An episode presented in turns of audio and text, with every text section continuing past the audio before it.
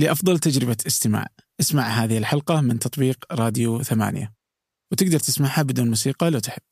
إذا الشخص ما عنده إيمان كامل بالفكرة اللي هو فيها مشكلتها وين؟ إنه مع أول مطب يخليك يروح. أو يبدأ يدور فكرة بديلة، يعني أنا أذكر أنا مرة واحد قاعد يقول أنا عندي فكرة وهو جالس يسولف معي عن الفكرة حقته، بعد ما خلص قال وعندي فكرة ثانية، طب الفكرة الأولى؟ قال اي بس يعني إذا ما القمت ديها قلت له تبغاني أحط فلوس معك؟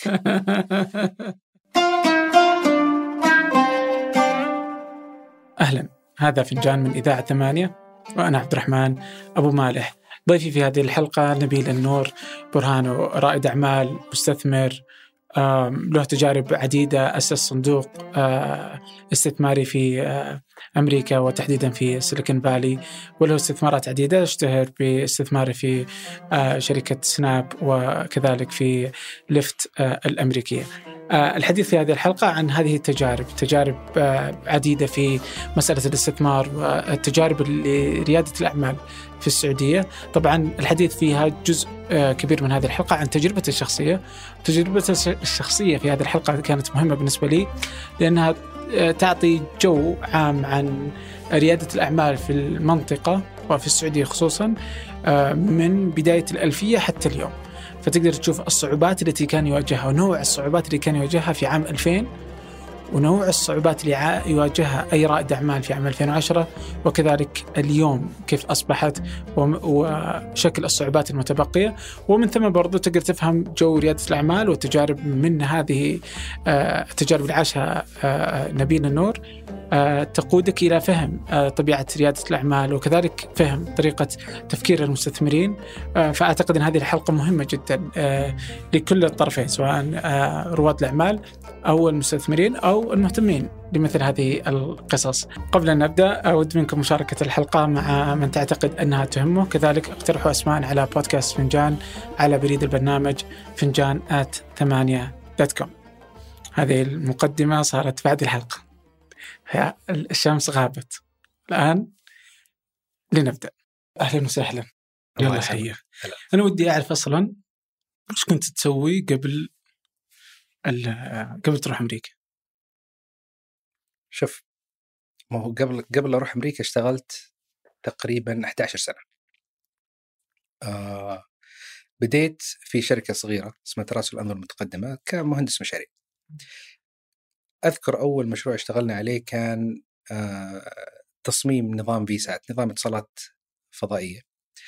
آه وكان نوعا ما معقد لأن النظام المفروض يكون مصمم لكبار الشخصيات.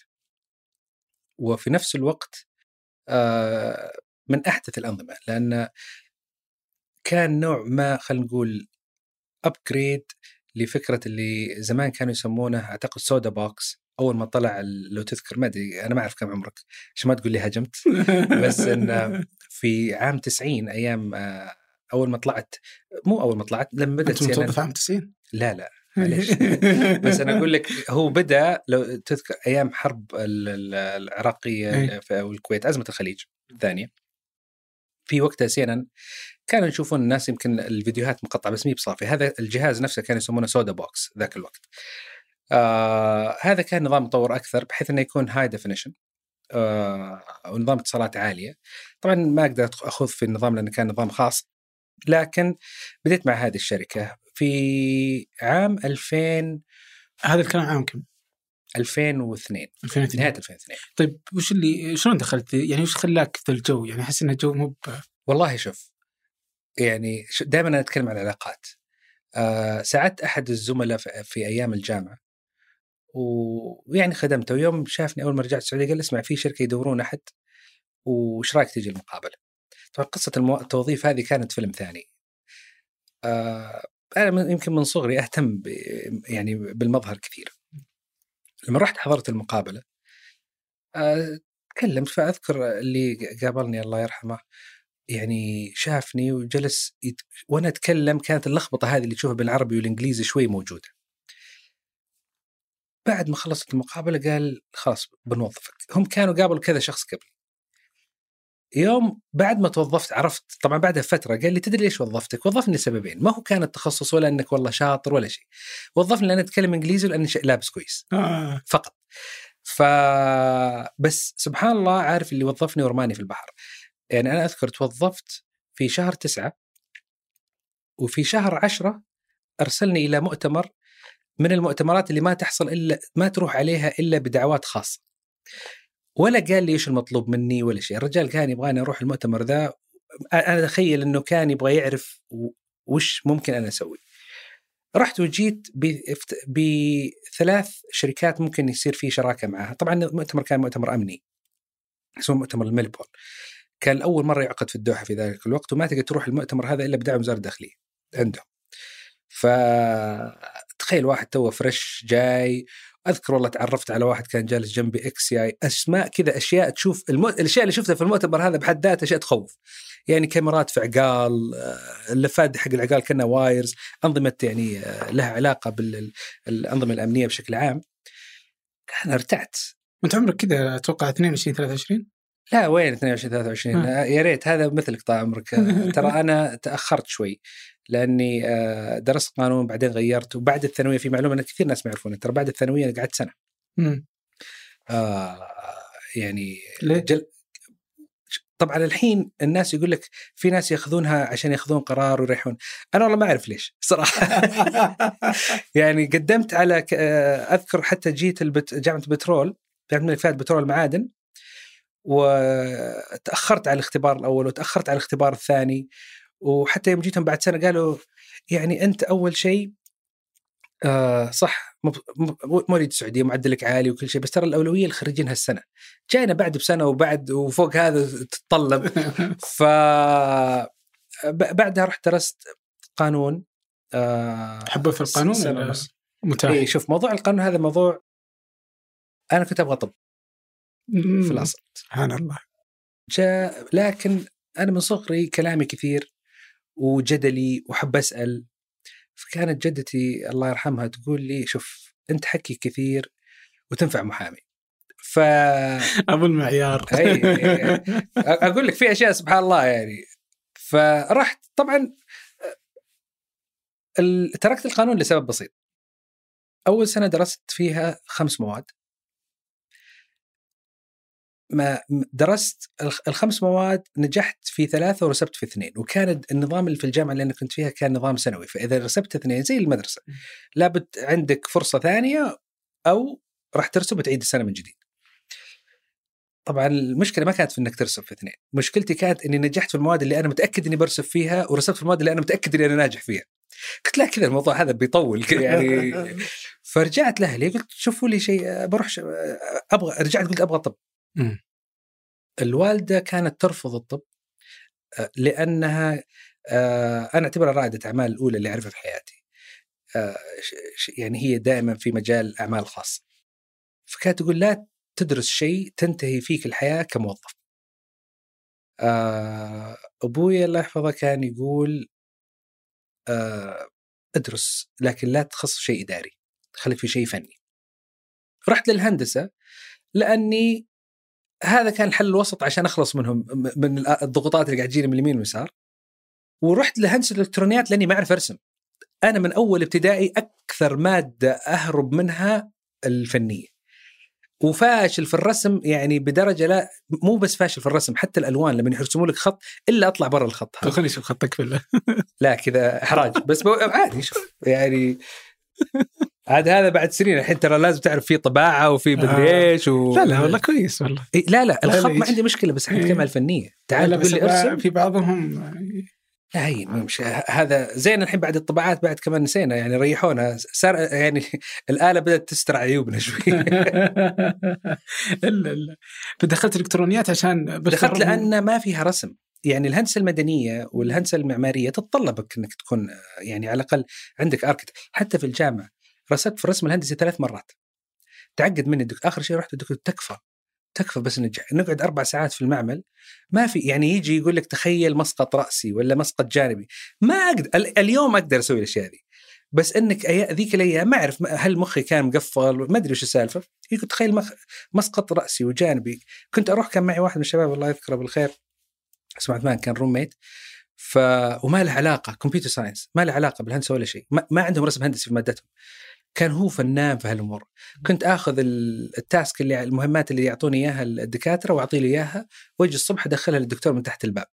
ف يعني هذه قصة دخولي للهندسة. فهي كانت شيء بالصدفة ولا كان عندي هدف وحتى وأنا أدرس ما كنت مهتم إني أفهم الأشياء الفنية. كنت آخذ أشياء سطحية عشان تعدي لا أكثر ولا أقل. هذا إلى أن عديت الجامعة. إي نعم هذا بعدها يعني قضينا قلنا الحمد لله رب العالمين و يعني طولت ولا أخذتها في خمس سنين؟ والله خمس سنوات أنا أعتبرها من خمس سنوات شاقة جدا يعني طبعا شاقة ليش؟ لأنك جاي متأخر سنتين فكان نوعا ما من العهد اللي أنا لازم أخلص بسرعة عشان أروح أشتغل واسوي واغير إيه، فعودة على المؤتمر إنك دخلت وأنت صغير حتى لو كنت 25 دخلت عرفت على شياب. اي هذه آه وطلعت بثلاث شركات وفي الأخير سوينا شراكة مع واحدة منهم. طبعا ذاك الوقت تعرف الفكر كله في السعودية أصلا يعني لعشرات السنين خذ وكالة وخذ وكالة حصرية وتعال شغلها. ما في فكر إن إحنا ننتج بأنفسنا. فطبعا آه دخلنا صار عندي عملاء في القطاع العسكري آه اشتغلنا بشكل كبير جدا معاهم. وبعدين جينا ندخل على الاتصالات. مجال الاتصالات ما كنت أعرف أحد. يعني يمكن ذكرتها في كذا مرة. صرت أصلا دخول طبعا الحين دخول مجمع الاتصالات والمرسلات عملية شبه مستحيلة. لكن أول كان أسهل. وقبل كمان الجوال وحدة الجوال كان مكتبهم في العليه ما كان مكتبهم في داخل المجمع. فيعني تروح تضحك مع الناس يشوفونك جايب ثوب شماغ يحسبك موظف يخربط ما يعني عارف تلقى لك دب- دبرة وتدخل. كنت أجي بلا مبالغة أجي معي كرتون دونت وأفر على المكاتب والله ما أعرف أحد. بس أشوف المكتب وأشوف طبعا الميزة بعدين في الاتصالات ان المكاتب محطوط اسم اللي موجود فيها. فتمر تلقى والله واحد اسمه عبد الله محمد فلان. أنا أبو محمد كيف الحال؟ ورجال يحسبك جاي تسولف وتدري أنت جاي لمين. وبالفعل صرت أجي أمر على أساس إني أكون علاقات مع الناس هذه. فقط لا أكثر ولا أقل. ما كنت أعرف حتى وش أبغى. بس بس كنت عارف. إيش معنات العلاقات إنها تعني لك شيء ولا؟ نعم. آه يعني نعم. فانت شوف دائما حتى لما أشكر أبوي على شغلة يعني في مره نسولف كذا قلت طبعا هو نوعا ما أنا أعتبره يمكن غير لائق لكن أقول له إذا أنا في حياتي إذا اخترت شيء واحد بشكركم عليه هو المدارس اللي حطيتوني فيها لأن ال- العلاقات اللي طلعت فيها من المدارس بالنسبة لي علاقات لا تقدر بثمن كمعارف وأعتقد هذه بعض الأشياء الم- المحورية اللي تغير في حياة الإنسان مستقبلا ممكن ما هو بشرط أنها يعني أقول لك حياتك إذا أنت ما رحت وكونت علاقات من الصغر فما عندك حياة لا لكن تسهل لك المسار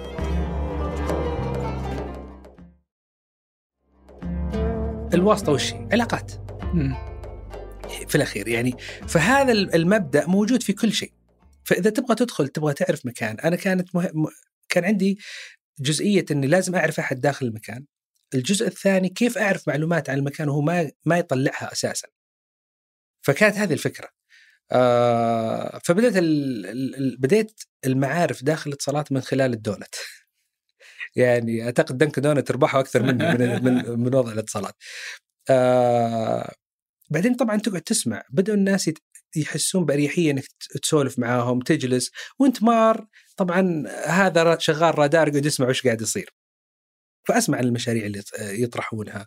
آه، من خلال هذه العلاقات وش كنت تبغى يعني وأنت رايح؟ وش اللي أنت تتوقع إنك لو عرفت ناس تحصل أبغى اعرف إيش المشاريع اللي عندهم عشان أقدر هل لأنه في الأخير ذاك الاتصالات كلها شغلها منافسات. مم. فكيف تدخل في منافسه وأنت ما تدري عنها؟ انت لا تزال في الشركة اللي قبل؟ أنا مز- لا زال في الشركة اللي إيه. قبل. آه فرحت مؤتمر آه في ألمانيا. آه وكان في هذا المؤتمر كان في حل ذاك الوقت كان ال GSM اللي اليوم يقام في برشلونة كان يقام في فرنسا. كانت في شركة حقت يسوون خدمات ال MMS filtering خدمات ال MMS الرسائل كان يسوون لها filtration الفلتر وش كان؟ الصور المخلة بالاداب الاشياء الأمور هذه بعض الكلمات يسوون لها filtration عشان ما توصل جوالك. طبعا اليوم الناس تشوف هواتف ذكيه إحنا نتكلم على ما قبل هذا العصر. أيوه. فكانت الشركة هذه تيجي كانت أول شركة شر- شركة إيرلندية اسمها دافتوف موبايل كانوا هم أول ناس يقدمون هذه الحلول. ولسه ما عندهم ولا عميل. جيتهم أنا طبعا في المؤتمرات والعميل هنا ممكن يكون زي اللي هي شركة سي. شركات. الاتصالات بالضبط طبعا أنا جيت دائما في المؤتمرات ما أروح للشركات الكبيرة أروح للشركات الصغيره لأنك هذه اللي تبغاهم. يعني هذيل اللي أصلا حتى عندك فرصة للنقاش معاهم. تبغى تاخذ شغل علاقة حصرية ما راح تاخذها إلا من الصغير الكبير مو فاضي لك الكبير اوريدي داخل ولا حتى عارف العميل اللي هو يبغاه. فرحت لهذول الجماعة واتفقت معاهم. ليش؟ لأن إحنا كمجتمع محافظ لن نقبل يعني الصور المخلة. يعني خل معنى آخر الاتصالات عندها دافع وحافز إنها تنفذ هذا النظام. رحت جبت الشركة وجينا دخلنا مع الاتصالات. طبعا وقعنا علاقة حصرية معاهم. في النص جو الاتصالات قالوا خلاص بننزل منافسه هذا الموضوع. اقنعناه بالحلول. جربوه. فقالوا خلاص إحنا بن بننزل منافسة لهذا المشروع. جو اشتغلوا طال عمرك على المنافسة. طبعا إحنا غير مؤهلين في الاتصالات. يعني هذه كانت كانت الثانية. طبعا استفدت إنه أساس على أساس نشتغل على هالمنافسة هذه كان لازم يأهلونا وأهلونا بحكم إن معانا شركة أجنبية. مم. ولكن يبغون ملاءة مالية يبغون شركة أكبر و إلى آخره. ف بعدين بشكل غير مباشر شركة أخرى فازت بالعقد لكنهم يطلبون يشتغلون مع الشركة هذه. فجيت أنا كلموني الإيرلنديين قالوا ترى صار الوضع بهذه الطريقة وما يقدرون يسوون أي شيء إلا إذا أنا فكيت الحصرية. كتبت إحنا عندنا عمولة نأخذها في الأخير يهمنا أنه نستمر تشتغلوا معاهم أهلا وسهلا لكن الدعم الفني يجينا. فأخذنا إحنا آه عقود بالباطن رغم إحنا اللي جايبين الشركة. غيرنا على قولهم اجين يعني شوف إخواننا في الشام يقول لك بدك العنب ولا الناطور؟ يعني أنا ما أبغى أروح للاثنين عارف نفسي في الحاله هذه عندي خيار لازم ألتزم فيه يا أخ يا العنب ولا الناطور؟ قلت okay ابى أخذ الحافز المادي من هذا الموضوع لكن العلاقة كذلك موجودة. فكيناها للشركة. في وقتها قالوا بنعطيك 5% من الشركة. لأنه كان أول مشروع كبير بالنسبة لهم، الشركة كانت صغيرة جدا، طبعا أنا ماني مستوعب هذا الموضوع، أنا شايف stand صغير بس يعني الشركة كلها كانوا خمسة أشخاص. قال بنعطيك 5% من الشركة، هذا درس من أقسى الدروس اللي تعلمتها في حياتي. 5% من من الشركة حقتهم. شركاتهم لسه توها ما تسوى شيء. يعني طبعا هذه شوف الخبرات التراكمية اللي تطلعك بعدين في ال venture capital. جيت قلت طيب وقعوا لي على 5% بعدين قلت لا أنا أبغى ال 5% هذه كاش قال خذها حصه قلت لا لا لا أعطوني كاش 5% ذي. تقريبا أعتقد إذا ماني غلطان كانت يمكن 150 ألف دولار أو شيء من هالقبيل. طبعا نتكلم مع واحد توه كم سنة متخرج. وتقول له المبلغ هذا كان بالنسبة لي يعني حسيت إني عارف نصر عليهم اللي صار في الموضوع هذا. طبعا ليش أنا أقول لك كان من أقصى الدروس؟ بعد عقدهم على الاتصالات أه توسعوا لأمريكا. وأخذوا عقد مع ياهو على أيام عز ياهو. هذا كلام 2000 إذا ماني بغلطان أعتقد إنه 2005 خذوا عقد مع ياهو للفلتريشن ووصلت قيمة الشركة إلى 150 مليون دولار. تعال لي نبيل عض اصابع الندم. يعني يعني بالنسبة له بحس إني عارف قال الحمد لله حل عن سمانه شوي. وما زلت أتواصل معاهم وكل فترة يذكروني فيها يعني في الموضوع. ف لكن كل دقة بتعليمه. والله شوف هو أنا بالنسبة لي يعني لو أرجع حتى للظروف وبالمعرفة اللي كانت في راسي ذاك الوقت يمكن كنت أخذت نفس القرار حتى لو تكرر الموقف هذا عليه عشر عشر مرات. لكن تعلمت منه أكيد. آه لكن طبعا مواقف تختلف. ف هذا الشيء دخلني على الاتصالات وخلى صار وعرفوني الشباب اللي في الاتصالات إنه شيء من لا شيء يعني لا كانت فرصة لا كانت منافسة واشتغلنا وطلعنا بهذا الموضوع. جت شركة الحاسب العربي في عام 2005 وكانوا يدورون أحد يمسك آه، قطاع الاتصالات داخل الشركة. وكلموا كذا شخص في شركة الاتصالات السعودية وكان اكشلي بتوصيات من بعض المدراء في الاتصالات السعودية للعضو المنتدب في ذلك الوقت في الحاسب العربي. وأذكر قابلتهم كانت المقابلة إذا ماني بغلطان يا 1 ديسمبر أو قبل بيوم. لأني أذكر إنه وظفني on the spot وداومت 1 ديسمبر. آه أو 1 نوفمبر. بس أذكر إنه كان أول شهر يعني على طول. و كانت الصعوبة جيتهم بعدها فتره قلت أنا الصعوبة اللي مواجهتني معاكم إنه الناس مستوعبين الشركة كشركة IT تقنية معلومات وليس شركة اتصالات. بعدين يعني كملنا شغل مشينا 2005 2006 في نهاية 2006 جيت واقترحت عليهم ان تؤسس شركة جديدة في مجال الاتصالات مخصصة لأن كان ذاك الوقت الكلام عن الرخصة الثالثة للهواتف المتنقلة. آه أنها بتطرح من هيئة الاتصالات فبيسكلي مين اللي ما دام في رخصة جديدة في شغل جديد. فقالوا طيب آه حطيت خطة العمل اللي موجودة للشركة هذه وقلت لابد أن يكون عندنا شركاء آه آخرين لا تسيرون لحالكم. آه من العلاقات والمعارف كان في معارف هيئة الاتصالات، طبعا المتابع للرخصة الثانية لما طلعت كانت موبايلي. موبايلي لما أخذ الرخصة أتوقع إذا ماني بغلطان كانت ب 12 مليار. ثاني المنافس الثاني طبعا اللي خسر كان زين. زين إذا ماني بغلطان كانوا ياهو 9 أو 10 مليار.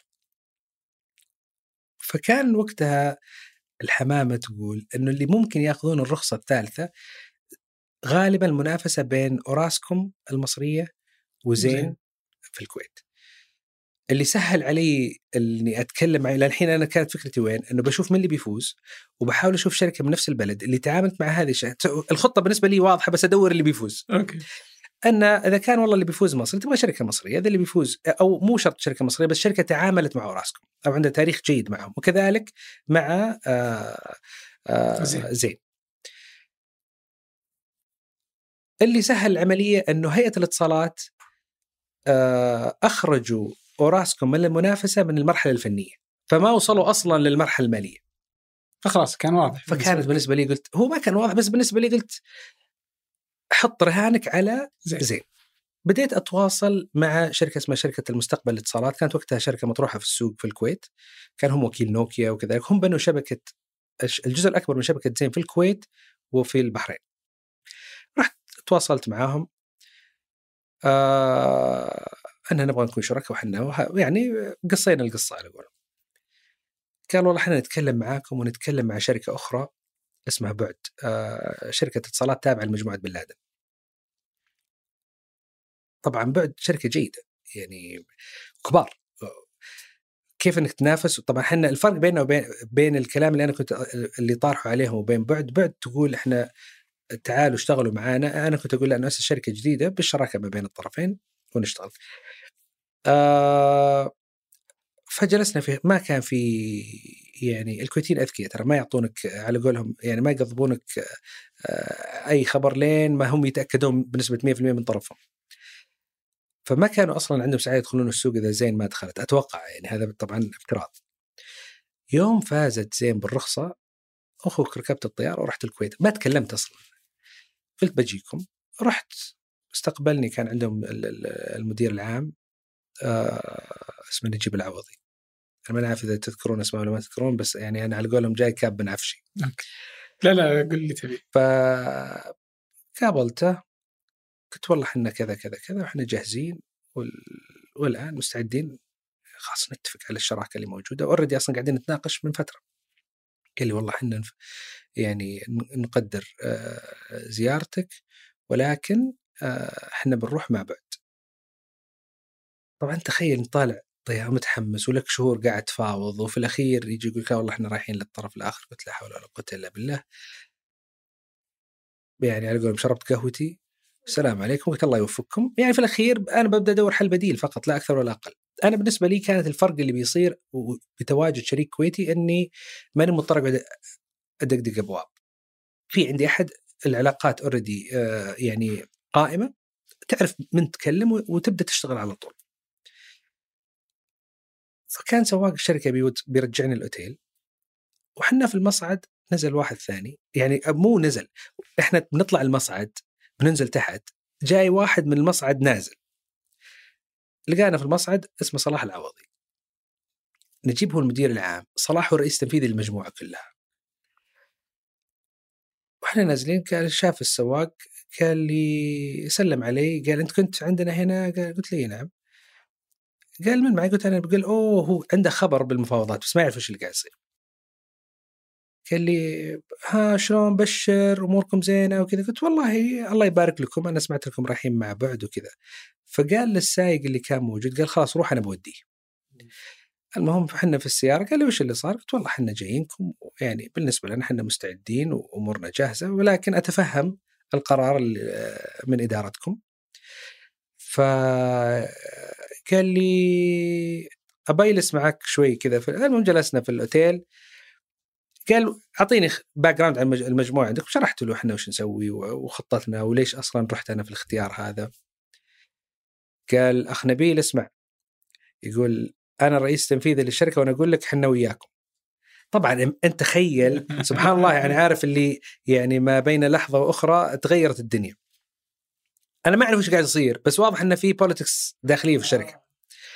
كتبت إحنا يعني أبرك الساعة بالنسبة لنا. ورجعت يعني أنا لو كانوا كلموني الشركة وأنا طالع وفي المصعد كنت بقول خبر ووصلت أعطيت خبر ثاني يعني obviously وبدينا في في في الشركة آه، أسسناها ما بيننا وما بين المسؤول كان اسمه إرشاد المستقبل الاتصالات.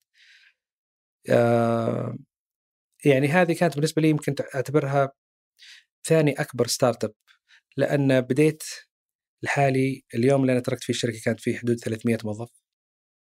آه وفيها قصص كثيرة. يعني حنا مثلا شبكة الحج في السعودية يمكن كثير ناس ما يعرفون. شبكة الحج تعتبر من أكبر الشبكات داخل المملكة. آه بالذات في المشاعر بحكم كثرة الناس والضغط. وبعدين دائما أنت لما تيجي تصمم شبكات الاتصالات تصممها على الطاقة القصوى اللي أنت متوقعها. فمشكلة أنت عندك فترات بسيطة في السنة اللي تصل فيها للطاقة القصوى هذه بس ما تقدر يعني اليوم في جسر عرفة مثلا ولا في أماكن أخرى ما تقدر بأي شكل من الأشكال إنك تخاطر وبالذات عندك وفود وناس كثير جاية من برا فما أدري تذكر ولا لا أيام زمان أيام ما برضو الجوالات القديمة دائما في العيد ورمضان الناس كانت ترسل تهنئة تعلق ترسل ترسل أول يوم عيد توصل رسالة ثالث العيد كذا العيد قضى والناس نسيت وأنت رسالتك تقول كل عام وأنت بخير.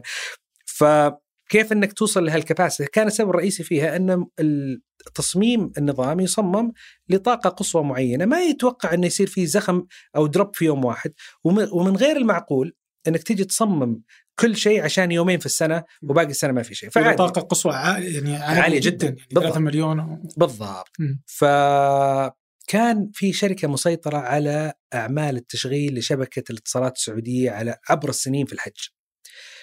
ونفس الشركة اشتغلت مع موبايلي. فكان بالنسبة لنا يعتبر اختراق كبير إن يوم جت زين قدمنا على المنافسة وفزنا فيها. ف وجزاهم الله خير. ما يعني هذا أنسب الفضل بعد الله سبحانه وتعالى لفريق العمل اللي كان معي يعني ما يعني ناس بكل ما تعنيه الكلمة بمعنى يشد فيهم الظهر. آه والسنة اللي إحنا أدينا فيها الشغل أذكر إن جت آه سيول في مكة. طاحت شبكة الاتصالات وطاحت شبكة الموبايل وبقت شبكة زين. مو عشان إحنا هنا فرقت كبير الفرق الكبير إحنا على قولهم اشتغلنا شغل أهل مكة أدرى في شعابها. جبنا أهل مكة اشتغلنا معاهم كانت أغلب الناس ما يعرفون كيف يدخلون طبعا يفكرون ان ندخل سيارات في المشاعر. إحنا لا سيارات ولا شيء. دبابات طال عمرك المهندس قاعد على دباب وفي واحد من أهل مكة معاه يعرف الشعاب ذي ويمر فيه. أخذنا لنا الاستراحة قلبناها مكتب.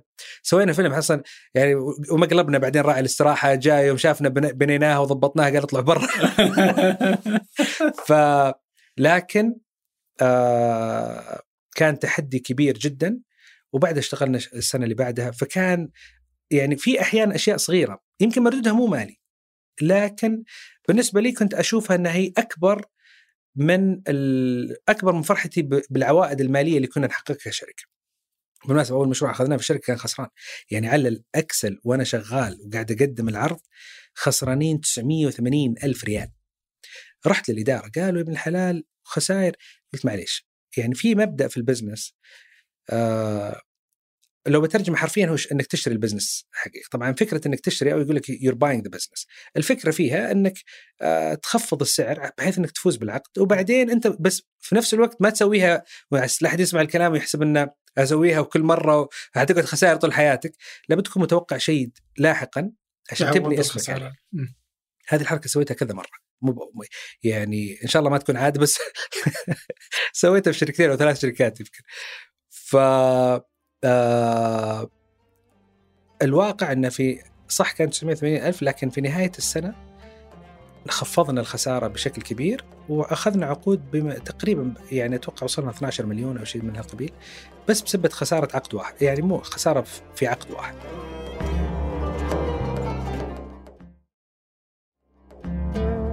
وأنت في هذه الشركة صفتك شريك مؤسس؟ إي أنت كذا يعني شوف المفروض الاتفاق إني شريك مؤسس. يا ليتني كنت أعرف عن سيليكون فالي ذيك الأيام ما كنت أعرف. يعني كان الاتفاق مع الجماعة إنه أي شركة أدخل في تأسيسها من الصفر آه إنه يكون لي 5% من الشركة. أنت تقول يا جماعة أخوياك ناس زي كذا يعني؟ لا لا لا لا. أنا كلها طبعا كنت شغال مع نفس المجموعة. آه. اللي شغال يعني أنا كل الشركات اللي أسستها على فكرة من بعد انضمامي للحاسب العربي كانت تحت نطاق الحاسب العربي. الحاسب العربي. فكانت شركة الاتصالات كانت شراكة بين الحاسب العربي وبين آه المجموعه شو اسمه شركة الاتصالات آه في الكويت. المستقبل الاتصالات في الكويت. آه لما جينا أسسنا الخبير الرياضي كانت شراكة ما بين الحاسب العربي وبين مجموعة المقيرن علما إنه حتى أصحاب الشركة ما كانوا يعرفون أنا كنت أنا كنت أروح أفاوض وأخلص وأجي. هم على التوقيع. في بعض الحالات ما قابلوا الشركاء إلا بعد ثلاثة شهور أو أربع شهور من من العمل. فكان هذا ال ال الاتفاق آه اللي بدينا واشتغلنا اشتغلت معاهم عليه. آه كان الاتفاق انه شيء أنت تسويه من الصفر يكون؟ 5% 5% نعم. ما كنت مرة حبيب. ما أقول لك يعني يعني عشان كذا الحين شوف لما تدخل فينشر كابل أقول لك تكون مصحصح مرة يعني عارف في عندك أشياء كثيرة أخذتها كذا وقاعد تقول شو صارت.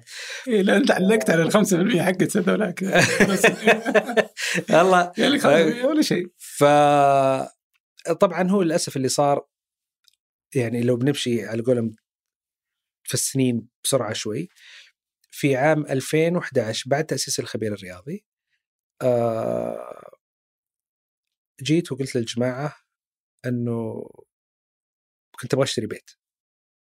فحاولت إني اقدم أقول يا جماعة أبغى مليون ريال. آه في حصة الحصة هذه لها قيمة ايا كانت القيمة هذه. آه يعني أعطوني على الاقل بضمان الحصة هذه. فأذكر قالوا كان عضو المنتدى ذاك الوقت يقول روح وشوف آه إحنا عندنا عقد مع البنك الفرنسي كوربريت عقد شركات اطلب قرض منهم يعطونك. ليش أخذ قرض وفي حصص موجودة يعني. آه اللي حصل رفضوا طبعا لما جلست أضغط في الموضوع إنه أبغى قلت ماني ماخذ من البنك. يا من عندكم ولا شوفوا حل آخر.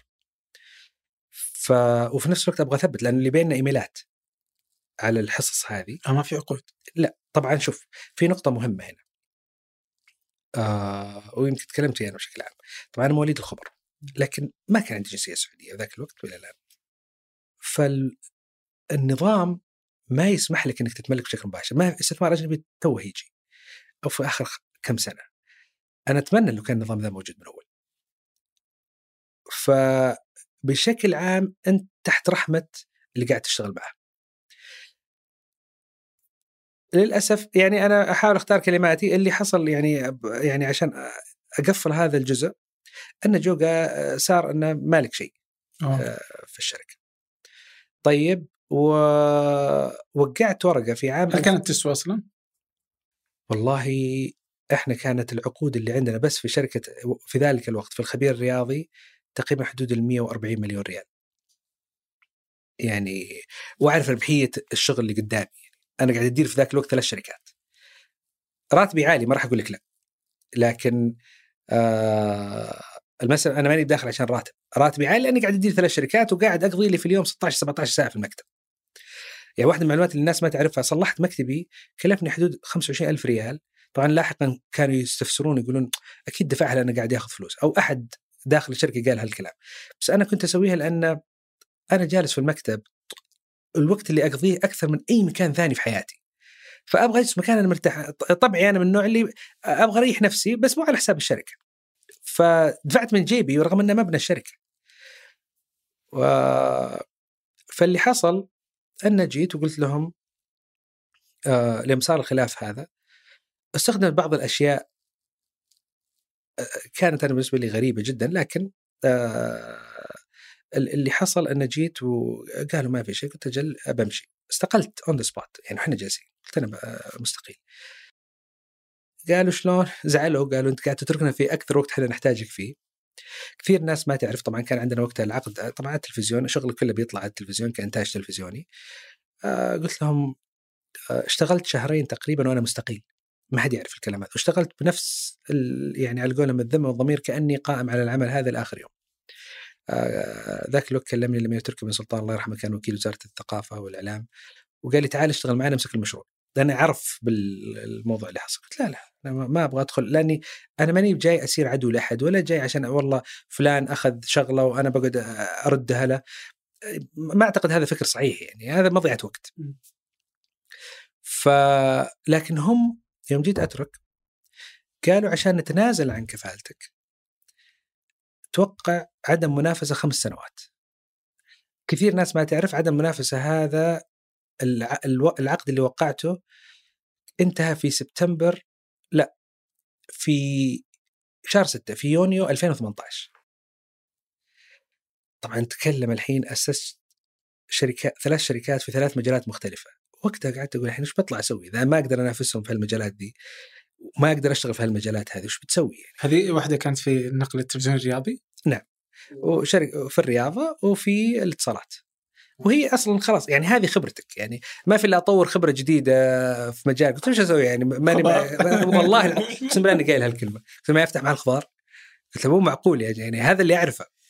ف وفي ذلك الوقت طبعا وافقت لأن ما كان في مخي إني في أي يوم من الأيام بطلع بالسعودية. آه يعني أنا شايف نفسي حياتي خاص هذا هذا بلدي هذا اللي أعرفه مولود هنا وجالس هنا وحياتي كلها هنا ولا في حياتي. طبعا رحت ذاك الوقت لهيئة الاستثمار. قلت أبغى أحول لاستثمار أجنبي وكذا. قالوا طيب أثبت إن فلوسك جاية من برا. قلت طيب أنا مولود هنا في حياتي ما طلعت قرش واحد برا السعودية. يعني إذا سافرت أخذت اللي على قدي هذا حق الإجازة ورجعت. غير كذا ما في. قالوا لا اطلع برا خذ أغراضك وتعال من جديد. صراحة. قلت طيب كم؟ 2014 كذا؟ لا وين 2014 2014 قد رحت أمريكا في 2013 13 فقلت لا لا لا. ما دام الدعوه زي كذا جلست يعني آه، يعني أقلبها في مخي. وش بتسوي؟ صدق صدقا جاء في بالي موضوع الفنشر كابيتال الترخيص التراخيص ما كانت موجودة لأن جلست سنة بعد ما تركتهم تركتهم في 2011 قعدت 2012 أفكر يعني اشتغلت أعمال استشارية بشكل عام لكن والأنظمة كانت متغيرة. ولا أبغى أصير غير نظامي. هذه كان فيلم ثاني يعني. آه لا تبغى تدخل لك. ما هي مسألة إنك تصير متستر ولا لا لكن ما يعني لويه الذراع اللي جتني كانت مؤلمة جدا. فجيت بعدها قلت تدري بروح أمريكا. بالفعل رجعت كذا في يوم والله ما أنساها رجعت شهر ستة. رجعت لزوجتي قاعد قلت ترى بعد شهرين بنروح أمريكا. طبعا ليش شهرين؟ لأنه كان هذاك الوقت يعني قبل شعبان نهاية رجب. وقلت له خلاص بنصوم. ونعيد مع الأهل هنا. خلاص وطبعا عندي بنتين ذاك الوقت. يعني أنت حتى رايح قلت طيب وش بروح قلت والله ما أدري. أنا كنت أروح أمريكا بشكل مستمر يعني من قبلها بعشر سنوات لكن آه وقتها وأنا رايح يعلم الله سبحانه وتعالى إني ما أعرف إيش بسوي. الشيء الوحيد اللي أعرفه ان باسس شركه وش هالشركة؟ ما أعرف. لكن أعرف إني بحاجة آه ما كان عندي التخوف لكن أعرف إني بمر بمرحلة صعبة. آه كان ال upside غير معروف يعني الشيء الأفضل اللي ممكن يصير لكن الشيء اللي كنت أنظر له أسوأ شيء طبعا أنا ما أبغى أسيء لمهن معينة لكن أنا أتكلم كواحد كان في يوم من الأيام رئيس تنفيذي ثلاث شركات أسوأ شيء كنت أشوفه إني بشتغل على تاكسي و Uber وانتهينا. فهذا كانت الخيارات. فأنت تخيل فعليا أنت قاعد الجاب الكبير بين الحاجتين اللي أنت قاعد تفكر فيهم. آه رحت أمريكا في ذلك الوقت وبديت آه طبعا أفكر. بس كيف رحت برضه كيف وش تحت اي فيزا إيش كانت آه رحت فيزا سياحة. سياحة. رحت فيزا سياحة. آه استفدت طبعا استفدت من الجنسية الاريتريه في ذلك في حالة واحدة كانت أول المرة الأولى اللي في حياتي أحس في فائده لهذا الموضوع. آه عمي معارض للحكومة الاريتريه فلما رحت هناك قدمت لجوء قلت والله عمي مع أنا مالي شغل بالموضوع بس عمي مع الموضوع ف يعني قالت لي كيف تقدر تثبت؟ دخلت شافت الاسم قالت last name قالت هذا عمك قلت إيه. قالت قالت ال case حقك ماشي امور ف وخلال فترة ما الموضوع هذا قاعد يمشي مع محامية الهجرة رحت استأجرت لي desk في سان فرانسيسكو في coworking space طبعا اشتغلت وهذه أحد ال يعني يمكن القصة غير معروفه شوف أنا I'm making sure الأشياء اللي ما عمري قلتها قاعد أقولها عندك. يعني قبل لا أروح كان يجيني سنويا ابو سعود فيصل الخميسي. طبعا تربطنا علاقة علاقة منافسة وتحولت إلى صداقة لأن بدون مبالغة ما شاء الله عليه ابو سعود مبدع. في 2005 و2006 و2007 وبداية الإنترنت والشبكات الاجتماعية والأمور هذه كان أي أحد بيجي السعودية يدور أحد يشتغل معاه ما في فعليا الناس اللي جايين بفكر متجدد يا يروح لأبو سعود يا يجيني. فدائما اللي يجيني يقول ترى أنا قاعد أكلمه واللي يروح له يقول ترى أنا قاعد أكلم نبيل. فكان يجيني يقول لي تعال نشتغل مع بعض تعال نشتغل مع بعض. فكل سنة يجي يعرض علي آه وظيفة. طيب أبو سعود كم الراتب؟ يجي يعرض علي الراتب اللي أنا قاعد آخذه. قلت له أبو سعود ما ينفع. إذا بجيك بجيك على premium ماني بجيك على نفس الراتب اللي قاعد. المهم وتمر السنة. نجي السنة اللي بعدها. يكون راتبي يرتفع هنا يعرض هو راتب جديد. المهم كل سنة نشتغل كذا. يوم جيت أروح أمريكا تكلمت معاه. قال اسمع دامك رايح الحين الحين ما في منافسة لا تقعد كل مرة تقول لي منافسة ما منافسة خلينا نشوف طريقة نشتغل فيها مع بعض. قلت طيب. كان عندهم شركة هو طبعا في شركة هو تكلم عنها الشركة اللي في سنغافورة. آه وكان شغاله بشكل ممتاز جدا. كان عندهم منتج اسمه ديجا. طبعا هذا المنتج إحنا الحين نتكلم عام 2013 2014 هذا المنتج اليوم لو كان موجود كان بكل ما تعنيه الكلمة معنى قتل شيء اسمه إيموجي. اليوم شفت اللي تشوف ال Bitmoji في سناب شات وغيره كان منتج فعليا يسوي لك scan يطلع لك ال... نفس اللي قاعدين يسوون سناب اليوم كان هذا الشيء يسوي في 2014 آه. يعني أنا طبعا مسوي scan لل system. طبعا يوم جيت شفت الشغلة هذه قلت اسمع هم كانوا يبغوا يطلعون بتطبيق خاص اسمه ديجا. ما أعتقد إن تبغاه يكون بتطبيق خاص. آه لكن خلينا نشوف. وقتها قلت خلينا نتكلم مع شركات أعتقد إن بديت أشتغل على عملية إنه خلينا نسويه بطريقة إنه يتم الاستحواذ عليه. سوينا وإلى اليوم عندي presentations اللي سويتها ذاك الوقت. presentation عشان لو تذكر Path تطبيق Path رحت قابلتهم. آه، واتساب. سكايب. آه، الفكرة إنهم هذول يشترون؟ وفيسبوك ماسنجر. إي أنا طبعا علشان أعرض عليهم كلهم. آه، مدمج فيه. إي. فكان وعلى أساس أخذت لي مكتب في آه، سان فرانسيسكو جلست وأقابل الناس وأجلس معاهم وأتكلم. فكان مدخل حتى عرضت في TechCrunch في نيويورك. آه، أخذت ال stage أعتقد انه موجود حتى في يوتيوب. وعرضت السلو... أنا كنت مؤمن جدا باللي صار. صار في اختلاف التوجه يمكن عندهم. يمكن كانوا يبغون ردو يعني مردود سريع. لأن البزنس هذه بالذات فيها يعني تكاليفها دائما مرتفعة نسبيا وتاخذ وقت لما تشوف المردود. رحت قابلت حتى المجموعة عندنا في سنغافوره فالمهم هذه كانت مدخل لي للانسان اني اعرف الناس آه، في في في أمريكا. قضينا منها آه، جاء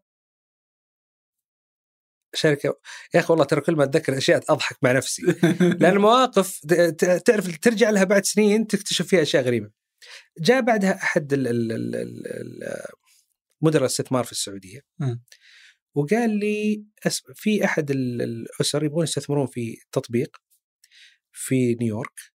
كان آه، تجارة إلكترونية على شبكة اجتماعية كثير من الأشياء اللي اليوم نسمع عنها برضه هذا الكلام كان في نهاية 2014 تقريبا النص الثاني من 2014 وأن إحنا ما إحنا عارفين نسوي تقييم فني.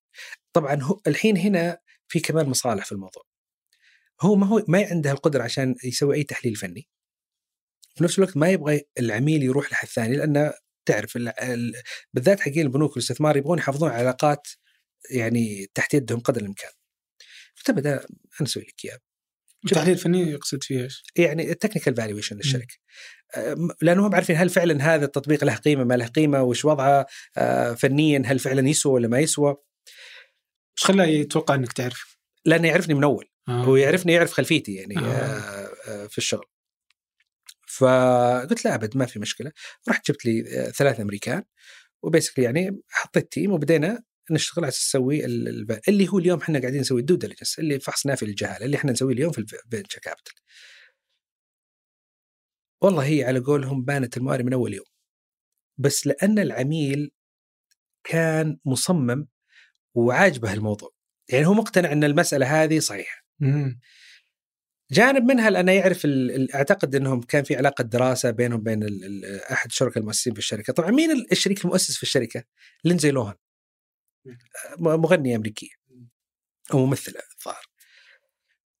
من مستثمر معاهم شوف هذا الكلام ال- أنا أقول طبعا 2017 كنت أقول في نفسي حتى أو بالتحديد في نوفمبر 2016 قعدت أقول في نفسي لو أعرف هذا الحدث بيصير كان غيرت رأيي. لفائدتهم أنا ما ما شيء لي. الشريك أحد المستثمرين في الشركة كانت إيفانكا ترامب اوه يوم طبعا إحنا التقرير واضح إنه كان المؤسس الشركة كان أمريكي من أصل روسي وفي يعني فعليا هم عارضين عليهم الشركة بيحطون 10 مليون دولار استثمار ومقيمين لهم الشركة ب 50 مليون. طبعا أنا مسوي تقرير قلت الشركة ذي حتى 5 مليون ما تسوى. لكن قلت أنت أصلا مدفوع لك تبغى تشتغل لآخر يعني فعلا تعطي ال ال ال ال آه وتبغى في نفس الوقت تعطي ال benefit of doubt إنه والله لو في آه يمكن أنا في تقييمي شيء خطأ هذا كله ما كنا قابلناه قلت لا بنروح نقابلهم. ورحت أذكر في نهاية شهر واحد لنيويورك عشان أقابلهم. وين تقابلنا؟ مكتب مايكل كوهن اللي كان محامي ترامب. فعشان كذا أقول لك؟ يعني كان ودك تعرف قدام كذا وش بيصير يعني في السالفة. جيت كتب قلت رجعت والله كتبنا تقرير هذا كله نصب واحتيال اللي قاعد يصير يعني في في ال deal هذا. فما مشى ال deal. هنا فتح لي موضوع ال venture capital لأن بديت يعني هنا كانت فعلا خلينا نقول شفت اللي يقول لك لمبة ولعت في مخك؟ إن في ناس عندهم استعداد يحطون فلوس بس ما هم عارفين كيف. وهم عارفين يقيمون الفرص هذه. آه لأن بالفعل رجعت لنفس الأسرة. قلت لهم طب دام تحطون 10 مليون في شركة واحدة في هالمرحلة هذه حطوا يا أخي مليون في 10 شركات. يعني أفضل لكم وأريح. طبعا هم لا.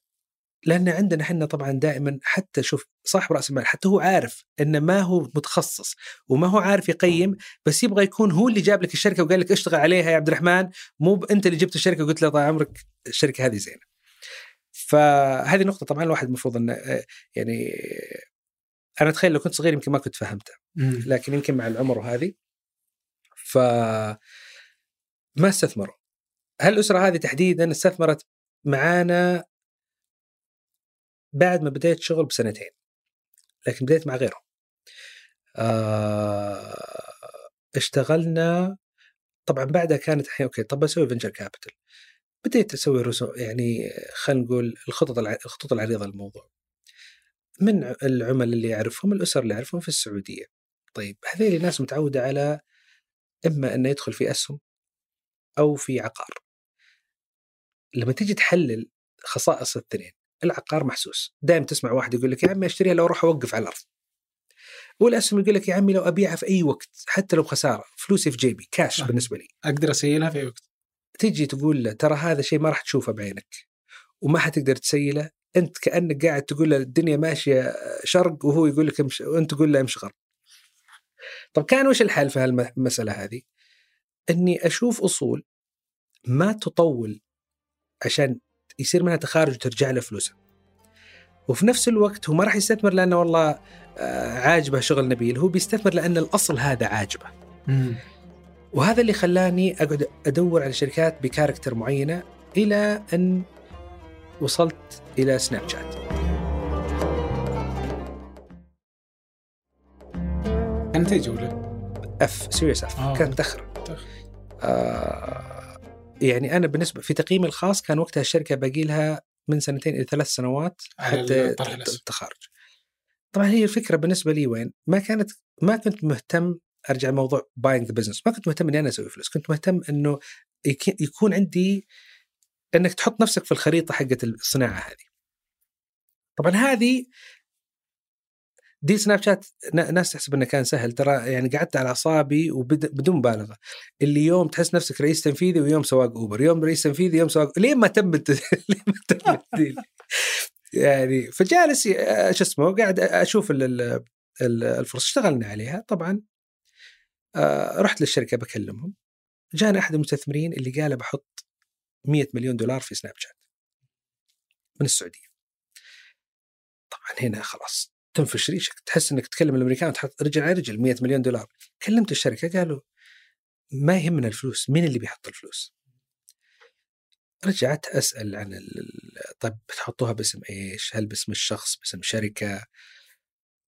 آه قالوا لا باسم باسم شخصي رحت كلمت الشركة طبعا الشركات في أمريكا كثير تعتقد إنه مجرد ما تقول لهم بعطيك فلوس يعطوكم فلوس هم يروحون يسوون شك يبحثون وفي نسبة فعلي يعني في نسبة ما هي بسهلة إنه ممكن يرفضون الفلوس. وهذا اللي حصل. قالوا الشخصية هذه ما نبغاها. هذول سناب سناب الشركة. طبعا دخلنا في فيلم، الحين كيف تقول لشخصية بهذاك الحجم إنه ترى الشركة رفضت، دخلت في فيلم ما, عرفت أبرر الموضوع. فالمهم ووقتها ما كان في Graphene Ventures ما في Graphene. آه فأنت بس مجرد طريق لا بس أنا ما أبغى إي هنا نقطة رئيسية. أنا عارف أنا إيش أبغى أسوي. آه لكن ما أبغى اصير وسيط لأنه إحنا ما إحنا بوسطاء ما أبغى أصير بروكر بمعنى صح إنه والله أوه تعال بوصلكم في الشركة أعطوني حقي ومع السلامة. أنا كنت أبغى شغل كنت أبغى أصير مدير استثمار. هذا هدفي إن الأصل هذا يجي تحت اسم شركتي أدير أديره بالشكل المناسب لتحقيق أكبر عائد لل- للمستثمر. طبعا الشركة جو قالوا اسمع ولو بتجيب أحد ثاني إحنا ترى ما إحنا ماخذينك يعني ك يعني كصندوق تجي تحط فلوس عندنا.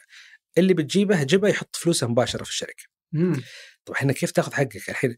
أنت الناس وأنت موقع معاهم تقعد تسأل عن حقك. الحين أروح أقول لك كذا عز الله راحت علينا.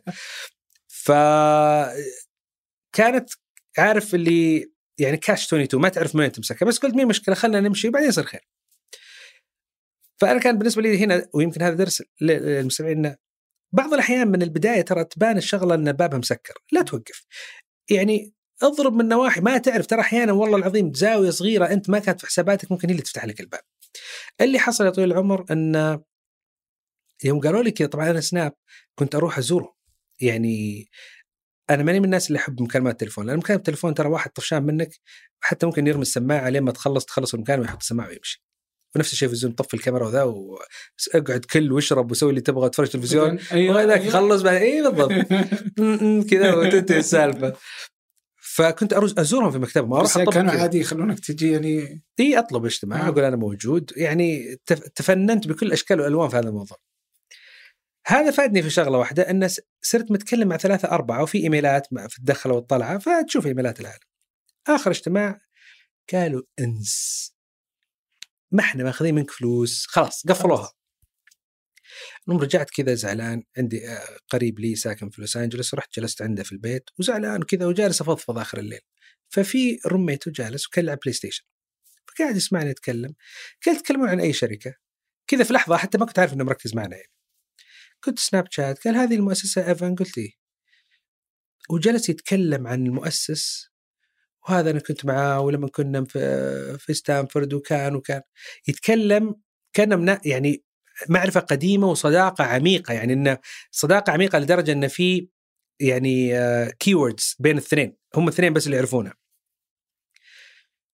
أنا طبعا قاعد هو يسولف أنا ماني بعارف عارف اللي أقول في نفسي إن كان قاعد يهايط علي يعني that's it's bad بس جالس يمزمز عليك. أنا أصلا جاي خلاص عارف اللي أفكر وش السيارة اللي بشتريها الحين عشان أرجع.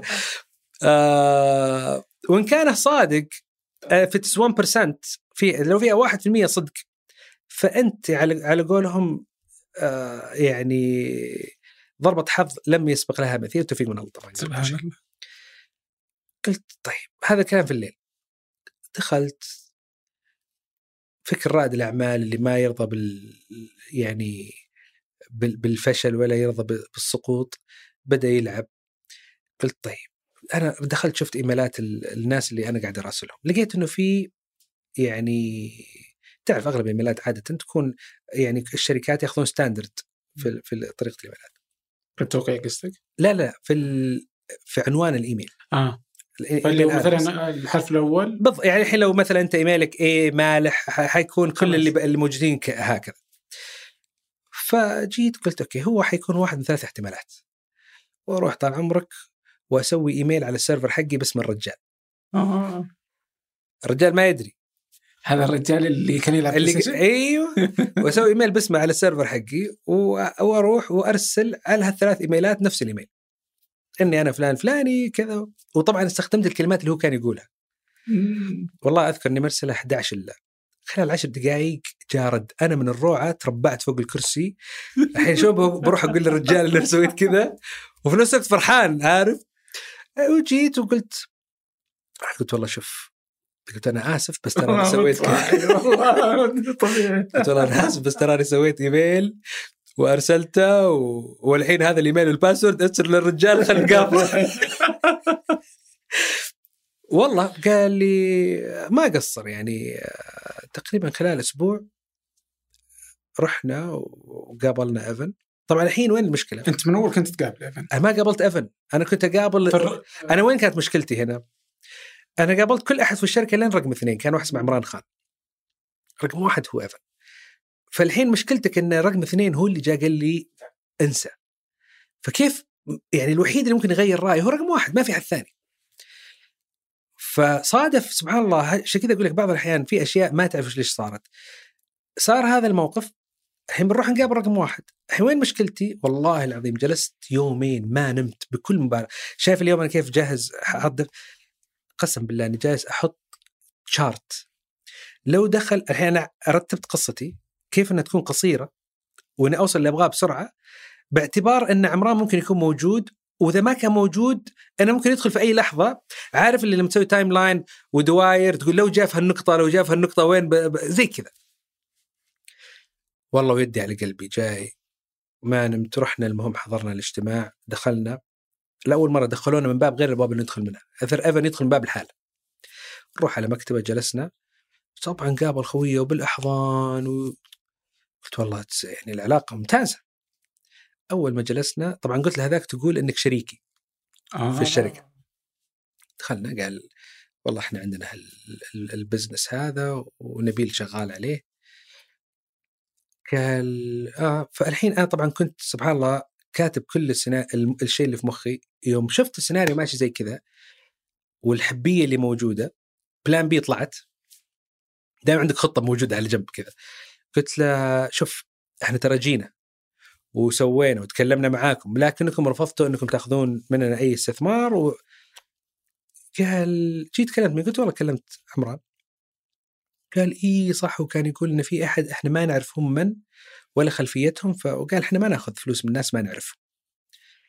قال لو تقول إنك تعرف الرجال ترى خلاص. أنت والله إيش عرفني أنا أصلا ما أعرف الرجال يعرفك ولا كان من أول خلصنا. قال لي طالع فيني كذا قال لي tell me what's your dream scenario قلت أبد أبغى 250 مليون allocation تعطيني إن نقدر يعني بس 250 250 مليون 250 مليون ونبغاها ضمن هيكلة صندوق. لا تجي تقول لي جيب المستثمرين يدخلون مباشرة عندك. آه. قال لي okay. هذا كلام كله في خمس دقائق اللي أنا جالس يومين. أجهز لها. خليتهم يسولفون هم طال عمرك رجعت الكرسي لورا مسكت تليفوني ويلا الحين اقعد تواصل مع العالم. وقتها إنك كان. سناب شات ما قد ضرب في السعودية ولا؟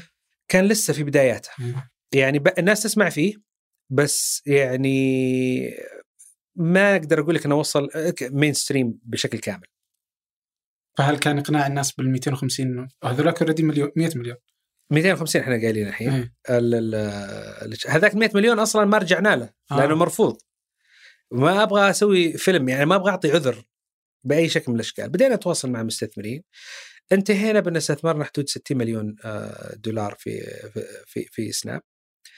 آه، يعني على قولهم الديل فعليا كثير من الناس توقع إن إحنا دخلنا منه فلوس كثير. أقدر أقول لك تقريبا ما دخلت منه شيء.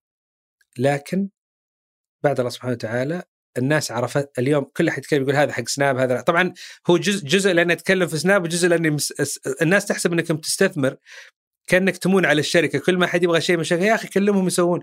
ترى مو بشركة ابويا اليوم يعني أحسسك زي اللي رحت شريت سهمين من الاتصالات يا أخي اتصل على السي أو حق الشركة خليه يغير يحط لي برجين عند عند, عند البيت. فلكن آه كانت حلت معضلة كبيرة. إن أول شيء المستثمرين الشركات في سيليكون فالي وفي أمريكا عموما تحتاج تعرف إنها ما قاعد تضيع وقت معك. لانك واحد في نهاية المطاف راح تستثمر. فحلينا هذا الجزء. الجزء الثاني الناس هنا كان دائما عندها تساؤل هل أنت عندك فعلا قدرة إنك توصل للشركات هناك ولا لا؟ فهذه زي البيضة والدجاجه قضينا منها ممتاز. بعد آه، فيلم طويل. ف yeah it's just nice story صراحة. والله يعني تج يعني يعني آه، تجربة ويعني خط زمني مش طبيعي. وداك إلى إلى سناب الحين. هذا الكلام 2000 وكم؟ 2015 2015 فالآن انت خلاص الناس عرفتك لا وبعدين في شغلة أذكرها ممت... الاستثمار طبعا دائما عبارة شيء رئيسي فيه الثقة. بعد ما وافقوا المستثمرين يدخلون معنا قالوا المبالغ كانت كبيرة. إحنا كنا نقول إن يعني حتى شوف سبحان الله كنا نقول ال minimum 10 مليون دولار. فأنت أصلا ما راح تركز إلا على أسماء معينة. ما في أحد عنده قدرة إنه يحط 10 مليون دولار في استثمار واحد. المضحك في الموضوع إنه بعد ما اتفقنا وخلصنا ووقعنا العقود قالوا المستثمرين ترى ما إحنا محولين لك الفلوس. إحنا بنحولها للشركه مباشرة.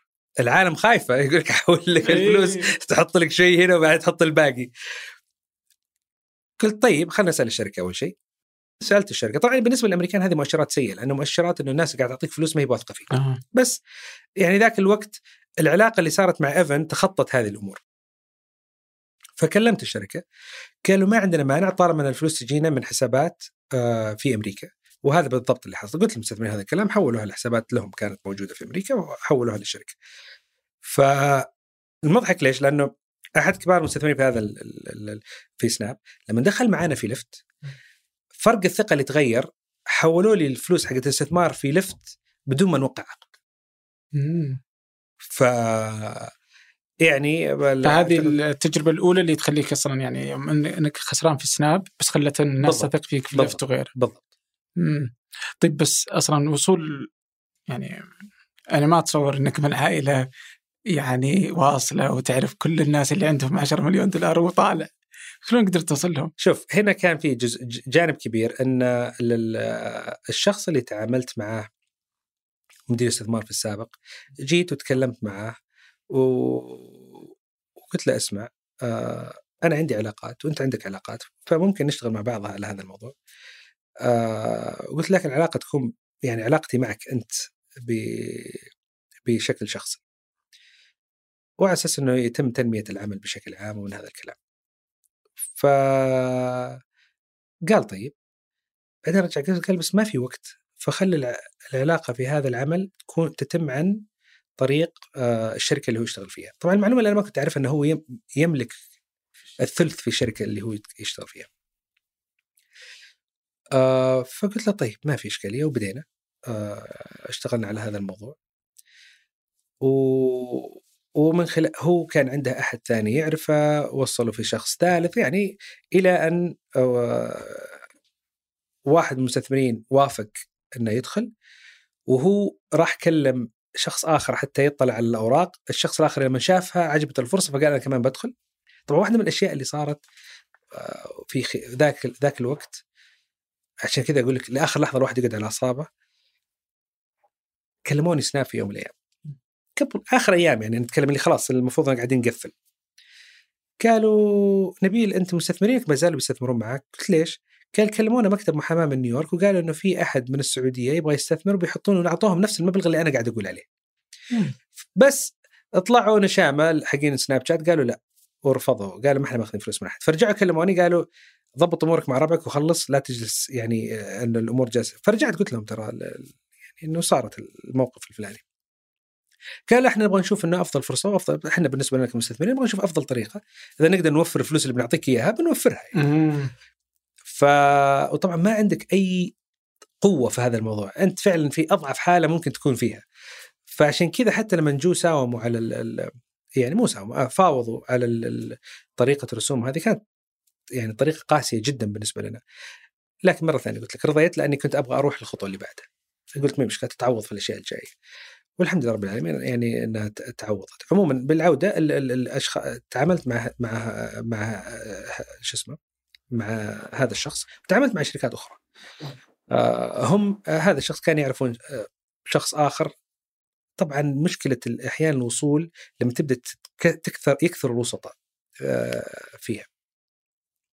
لكن بعد ما وصلنا بدت يعني بشكل غير مقصود الظهور اللي كان في سناب كان يفيد لأنه بدأوا ناس يتواصلون ويسألون فيما بعد. برضو سمعة بالضبط. في المكان. طيب الحين كم صار لك كم سبع سنين كذا؟ ثمان سنوات. في البزنس هذا صار لي ست سنوات وشيء ست سنوات. وشيء كم شركة استثمرت فيها؟ 30 30 استثمرت لليوم. بكرة يمكن تغير كل قبل السؤال اللي بعده؟ والله ودي أوصل هالمرحله في يوم من الأيام بس مو بالحين لسه باقي شوي. بنهايط بس مو بالحين. طيب. الحين وكم شركة قابلتها؟ أوه. أتوقع قابلت أكثر من 3000 شركة خلال الست سنوات هذه. wow. طبعا لما أقول لك قابلت مو شرط قابلت شخصا لكن مر علينا presentations بس الشركات اللي قابلتها شخصا ما عديتها لكن آه، عدد كبير بالمئات جدا بالمئات يعني. أكيد آه. بالمئات آه كم منها في المنطقة سواء في الخليج أو في السعودية؟ شوف آه كثير من الشركات اللي في المنطقة قابلتهم في بداياتهم مرسول قابلتهم في بداياتهم ما أنسى واقفين في جايتكس مع أيمن ونايف ويوم أقول لهم ترى شغلكم ما راح يمشي آه وكانوا يعني عارف دفاع مستميت عن فكرتهم الله يوفقهم بالعكس يعني أعتقد أدائهم أداء ممتاز. آه وعشان كذا أنا كثير من الناس أعتقد انه أنا كل ما أقول شيء خلاص يعني ما أغلط. لا أنا غلط. غلط في نظرتي على مرسول غلط في نظرتي مع يونيفونك. آه كلهم ناس شفتهم في بداياتهم. طبعا كانت الناس تجيني في البداية لسببين. اولا رغبه في النصح. ثانيا شايفينك واحد في سيليكون فالي عارف زي اللي جايب محترف من برا ويقعد يعني يتفلسف على الناس. آه ساهمت في مف... في مفاوضات بعض الشركات المحلية في أول جولة لهم. كنت أوقف دائما في صف رائد الاعمال فكانوا يعرفون أنا ماني بجاي بحط فلوس. فابدا بعطيك الراي صح وبعدين كان كل الناس عارفين يعني عارف اللي يكون ذا يجي يرمي الكلام ما ما اجامل احد آه واليوم الحمد لله يعني كذا منهم أتوقع تقيم ما بعطيك تقييم عشان ما تعرف الشركات لكن كلهم فوق ال 100 مليون دولار. ف شو اسمه؟ مع مع رواد الأعمال المحليين كان دائما كنت مهتم بالنصيحة لأنك تبغى الشركات هذه تنجح، أنا يهمني المنظومة تنجح.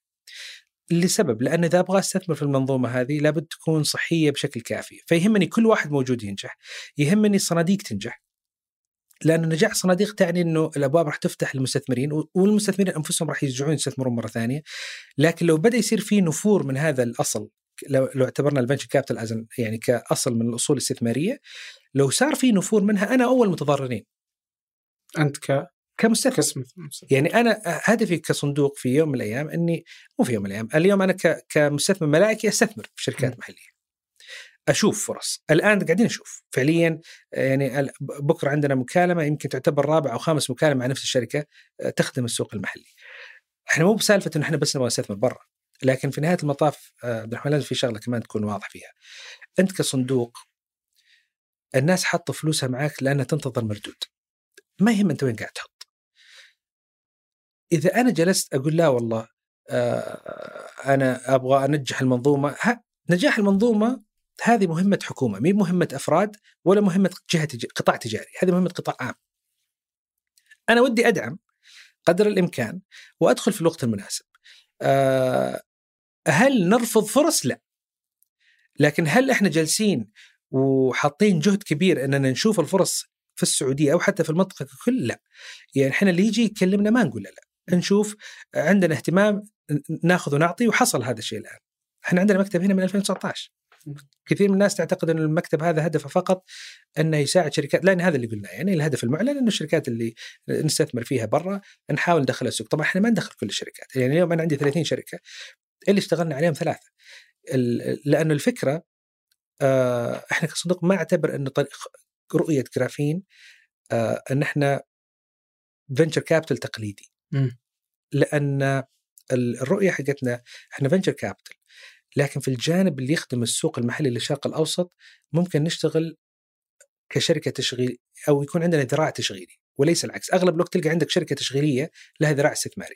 أنا أتوقع إن إحنا ذراع استثماري بيكون لنا جوانب تشغيلية. العكس تماما. فالاستثمار قاعد يفتح لنا الأبواب ونعرف الشركات ونشوف الفرص. نشوف الشيء اللي ممكن يناسب لسوق معين إحنا عندنا قدرة عمل فيه ونشتغل. هنا يطلع نبيل رائد الأعمال اللي يحب تأسيس الشركات ويشوف شركات صغيرة ويشتغل معها آه لأن أعتقد الشخصية المالية فقط ما تخدم هذا الجانب. أو يغيب عنه جانب التشغيل ويكون مركز أكثر على الأداء المالي. آه فهنا تبدأ مسألة إنه أنا 30 شركة صح آه، أشتغل فيها لكن بعضها اللي تخدم قطاعات وما أبغاها تيجي تنافس شركة محلية. يعني لو أنا أعرف إنه في شركة محلية تقوم بأداء جيد بالعكس أنا أفضل لي إني أستثمر في الشركة المحلية وأبغاها تكبر أكثر. و... و... وبالنسبة لنا هدفنا أعتقد الحين بدا رواد الأعمال يصلون لمراحل متقدمة. من أول كل أحد متقوقع آه وش سقف أحلامك؟ يقول لك والله أنا بشتغل في السعودية وبروح دبي. طب شو تروح دبي؟ دبي يعني كان بالنسبة لي دبي حتى أصغر من جنوب الرياض. فعلى أي أساس إني أنا أروح أحطها كسوق بالنسبة لي؟ السوق السعودي العالم من يعني من عرفنا أنفسنا. وحنا نروح دبي انترنت سيتي ودبي ميديا سيتي كل الشركات اللي موجودة هناك عينها كانت تجلس هناك لأنها مو بسهل عليهم يجون السعودية ويبغون يعني خلينا نقول الوضع اللي هم مبسوطين عليه والأجانب اللي عايشين حياتهم هناك. ولكنهم كلهم كل أسبوع تلقاه جايك. هنا قاعد قاضي له يومين ثلاثة. أسواقهم كان السوق الرئيسي بالنسبة لهم السوق السعودي. فاليوم لكن لما تيجي تقول أنا شغال في السوق السعودي وقاعد أروح للسوق السوق الإماراتي حتى ككل معليش. كم الناتج المحلي الإجمالي لمنطقة الشرق الأوسط شمال أفريقيا؟ 2 تريليون و200 مليار تقريبا 2.2 تريليون. كم الناتج الإجمالي المحلي لكاليفورنيا؟ 2 تريليون. يعني ه... وعدد سكان كاليفورنيا ترى إحنا نتكلم على 30 32 مليون. في مقابل يعني عدد سكان يصل إلى ما يقارب ال 500 مليون نسمة. ففي فرق كبير. الجهد اللي راح تبذله بالذات لما تجي تتكلم على دول. يعني أنا أبذل جهد في دولة واحدة تشريع فيها يعني اليوم لما تجي تتكلم على أمريكا أنت قاعد تبذل شركة تقنية مالية على سبيل المثال. بياخذ ترخيص من هيئة الأوراق المالية. ولا يعني غالبا ولا الفدرال ريزيرف في أمريكا أي ترخيص راح ياخذه. الترخيص هذا راح يشغله في كل مكان. يعني ياخذ واحد ويشغل في كل أمريكا. اليوم لكن أنا بشغل إذا أبغى أشتغل في السعودية كتقنية مالية أخذ ترخيص من هنا. أبغى أروح البحرين أخذت وهكذا. هذه تمثل صعوبة وتحدي للناس اللي قاعدين يحاولون يشتغلون في منطقة الشرق الأوسط. هاويفر بالمقابل لما أجي أنظر أنا للمنطقة هنا وأبغى أستثمر صراحة أتمنى رائد الأعمال اللي يفكر في السعودية لكن كذلك يفكر في أسواق أخرى بس أكبر أو في نفس المستوى. تبغى سوق مثل السوق المصري. طبعا شوف لم إحنا ما نقيس أنا أعطيتك ناتج محلي رغم إنه مو مقياس صحيح لأنه إحنا هي معادلة. تنظر الناتج المحلي القوة الشرائية تعكس لك إياها من الناتج المحلي كذلك تنظر لعدد السكان. فلان خليني أقول لك الكلام هذا إنه الناتج المحلي الإمارات ومصر قريب من بعض لكن فرق كبير في السكان. 10 أضعاف عدد السكان تقريبا في في في مصر. لكن كمان لما تيجي تقول 10 أضعاف اليوم تبدأ تشوف الطبقة المتوسطة في مصر كم بدأت تمثل؟ والزيادة في هذا العدد. لأنه هذه نفسها أنا في وجهة نظري أشوف اللي قاعد يصير اليوم في مصر هو اللي صار في الهند. طبعا مع بعض الفارق. لكن كل ما صار في زيادة عندك في الطبقة المتوسطة كل ما كان فعلا الاقتصاد النمو فيه كبير جدا. آه، أو حتى خلينا نقول التوقع المستقبلي. والصغار والبنية التحتية وانظمه الاتصالات وأنظمة الإنترنت وانفتاح الناس على الأنظمة الجديدة والتغيرات. هذه كلها طبعا تلعب دور. فالواحد لابد يحط ياخذ هذه الأمور في الاعتبار لما يجي يشتغل. إحنا مشكلتنا ان دائما آه تلقى يقول لك إيه أنا مركز على السعودية بس ترى مو هو بسهل إنك تصير شركة تصل إلى مليار دولار. ما نتكلم لك مليار ريال. معلش ترى إحنا تعدينا العملات كلنا عندنا دولار. ال- اليوم إنك عندك منتج تقني موجود في جهاز. هذا المنتج وجوده في ال App Store خلاك متاح لكل أحد في العالم. صح أنت عندك ال ال ال ال خلينا نقول آه، خط دفاع اللغة. يحميك إنه مو بسهل أحد يدخل عليك وال culture بس والله العظيم ترى لو ترجع تشوف كثير من الشركات اللي طلعت الأصل فيها أفكار كانت موجودة في دول عالم ثالث. ترى في بعض الأحيان أنت ممكن تأخذ فكرة بدائية موجودة في دولة في عالم ثالث فقط تطورها وتخليها بشكل تقني وخذها للعالم الأول وأكبر مثال على هذا الموضوع أوبر ولفت لفت المؤسسين فيها من وين اكتشفوا ال- ال- الفكرة من وين جتهم؟ كانوا في أفريقيا في زيارة شافوا شفت ما أدري إذا مواليد كم عبد الرحمن تعبت كل شوي لأني عشان 89 ما شاء الله تبارك الله العمر كله. حبيبي. زمان لما نجي نطلع هنا في, الرياض مثلا تشوف حقين حتى مو في الرياض في المطار وانت طالع تلقى واحد يقول لك تاكسي ها آه، الأمور هذه. هذا واحد في الأخير كدادة شغل كدادة. هم شافوا كدادين في أفريقيا. جازت لهم الفكرة راحوا واشتغلوا وسووا زي بس شوف عارف الكداد حول إلى تطبيق تقني وشغل وخل حول الدولة كلها كدادة. إيه. فعارف جست يعني خلاها بشكل أنيق أكثر. لا أكثر ولا أقل ما سوى شيء ثاني. يعني هو نفس الديل وبشكل أنيق. ف اشياء كثيرة لما تقعد تفكر فيها يعني سبحان الله أنا يعني عارف إني بجي قاعد أفكر في تقنيات كثير بهذا المجال يعني اليوم لما نجي نتكلم في الفنتك. ال- آه، اللي هي التقنية المالية التقنية المالية، التقنية المالية مثلا بدأت 2005 كاسم تقنية مالية.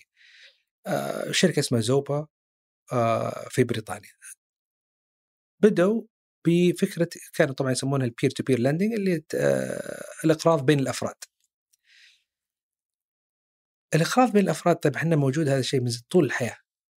يعني أعرفك تعرفني أعطيك تلقى كان تلقى آه، في الأسواق الشعبية آه، محل بقاله يدين كل اللي موجودين ود- والدنيا شغالة. اللهم راحوا سووها تطبيق وصارت اسمها peer to peer lending. التوصيل. قبل ما يبدونها تطبيقات التوصيل يا عمي تتصل على البقالة يرسل لك واحد يجي لك الطلب لين عندك في البيت و... و- والنوتة شغالة أول الشهر وآخر الشهر والدنيا حلوة. يعني اللهم إن إحنا ناس أخذوا هذه الأشياء سووا لها رقمنه وحطوها في تطبيق وأعطوك إياها. فأعتقد هذه مجال حتى الواحد لما يقعد يفكر في دائما شيء يسمونه لل- في الهندسة آه، أعتقد the first principle إنك ترجع للأصل عشان تبدأ وتبني من جديد وتقدم الح- الحل بشكل مختلف. هذا اللي إحنا كنا نسويه. يعني وأعتقد كثير من الناس لو تبدأ تفكر في حلول بهذا الشكل راح يلقون خدمات مختلفة ومميزة بشكل كبير جدا ممكن. يقدمونها.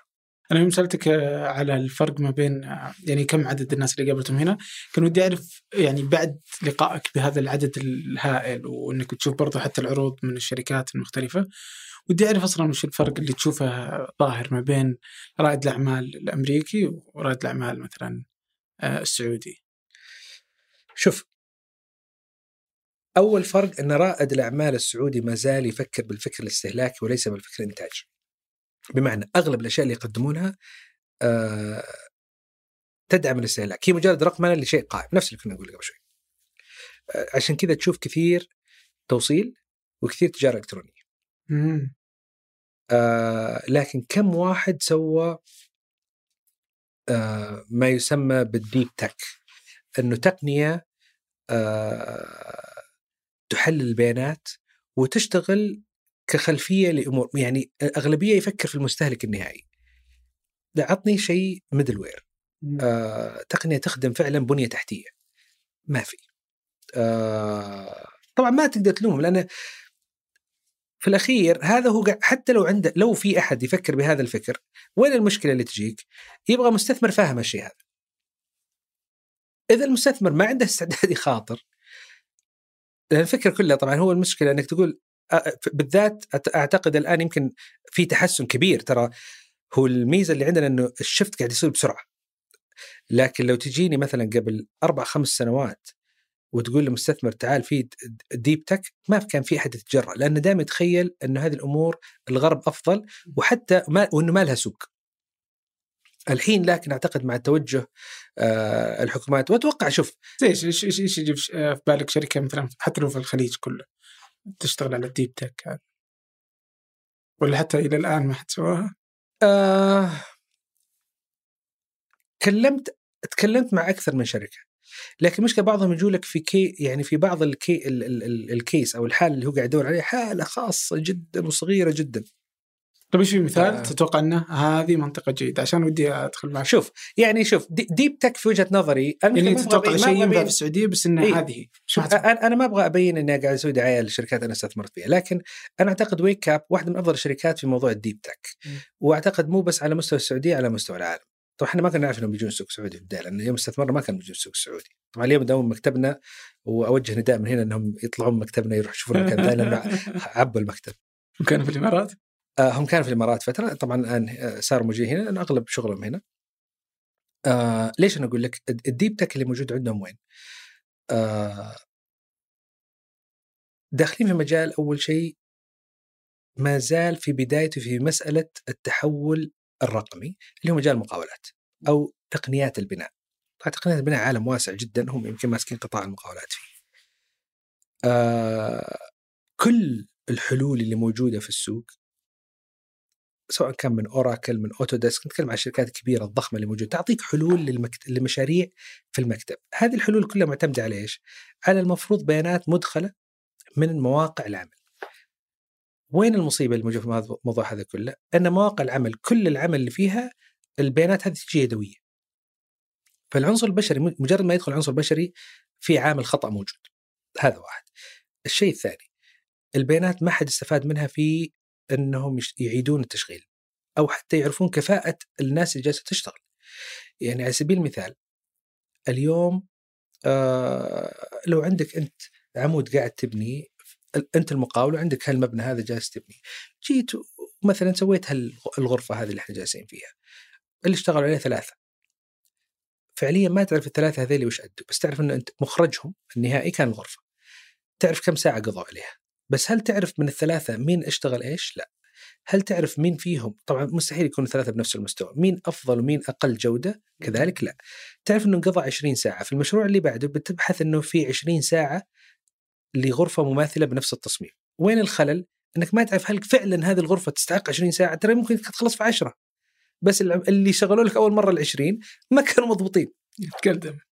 ف في أشياء كثيرة اللي تبدأ تعطيك خلفية عن الصناعة هذه بشكل كبير جدا وتحسن من الخبرة اللي موجودة توفر في التكلفة طبعا ليش أنا ذكرت هذا الموضوع اليوم أنت عندك بالذات في مشاريع زي ال giga projects اللي موجودة في السعودية مشاريع كلها مليارية.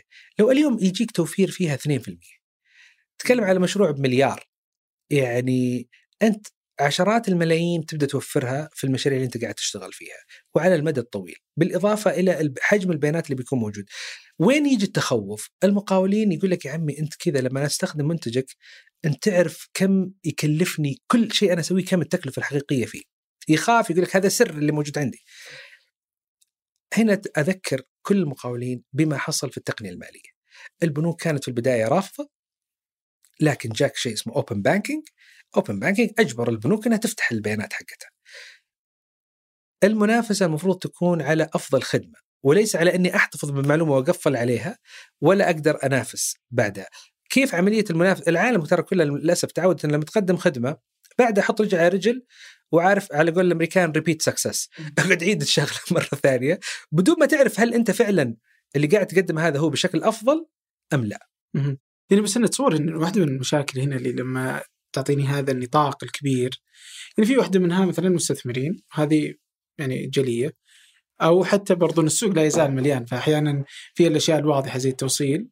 يعني شيء واضح والناس تستهلكه ف وإذا كان وقتها لا يزال في بدايته فمعناته إنه يمديني أدخل فيه بسهولة. بس إن برضو هذا المكان يعني مثلا زي سالفة البيانات.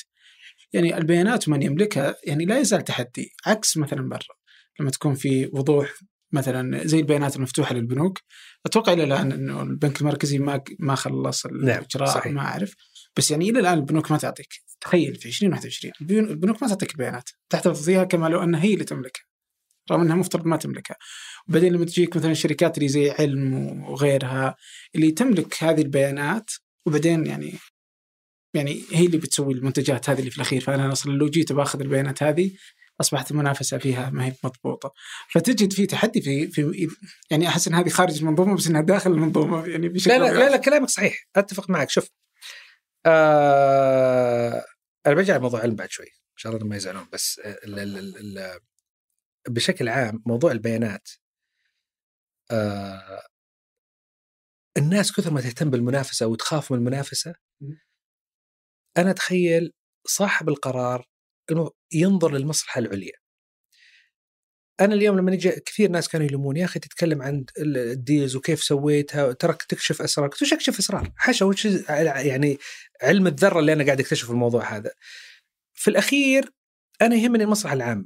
يعني شوف في ناس تؤمن أنا أعتقد في مدرستين في الاقتصاد. يمكن هذه أعتقد يعني مفتاح رئيسي لكل الكلام اللي إحنا نقوله. في ناس يؤمنون الاقتصاد هذا ينظرون له طال عمرك زي الكاسه ذي مقفله أن أي زيادة بتصير فيها يعني لها قمة خلاص راح تصل لها.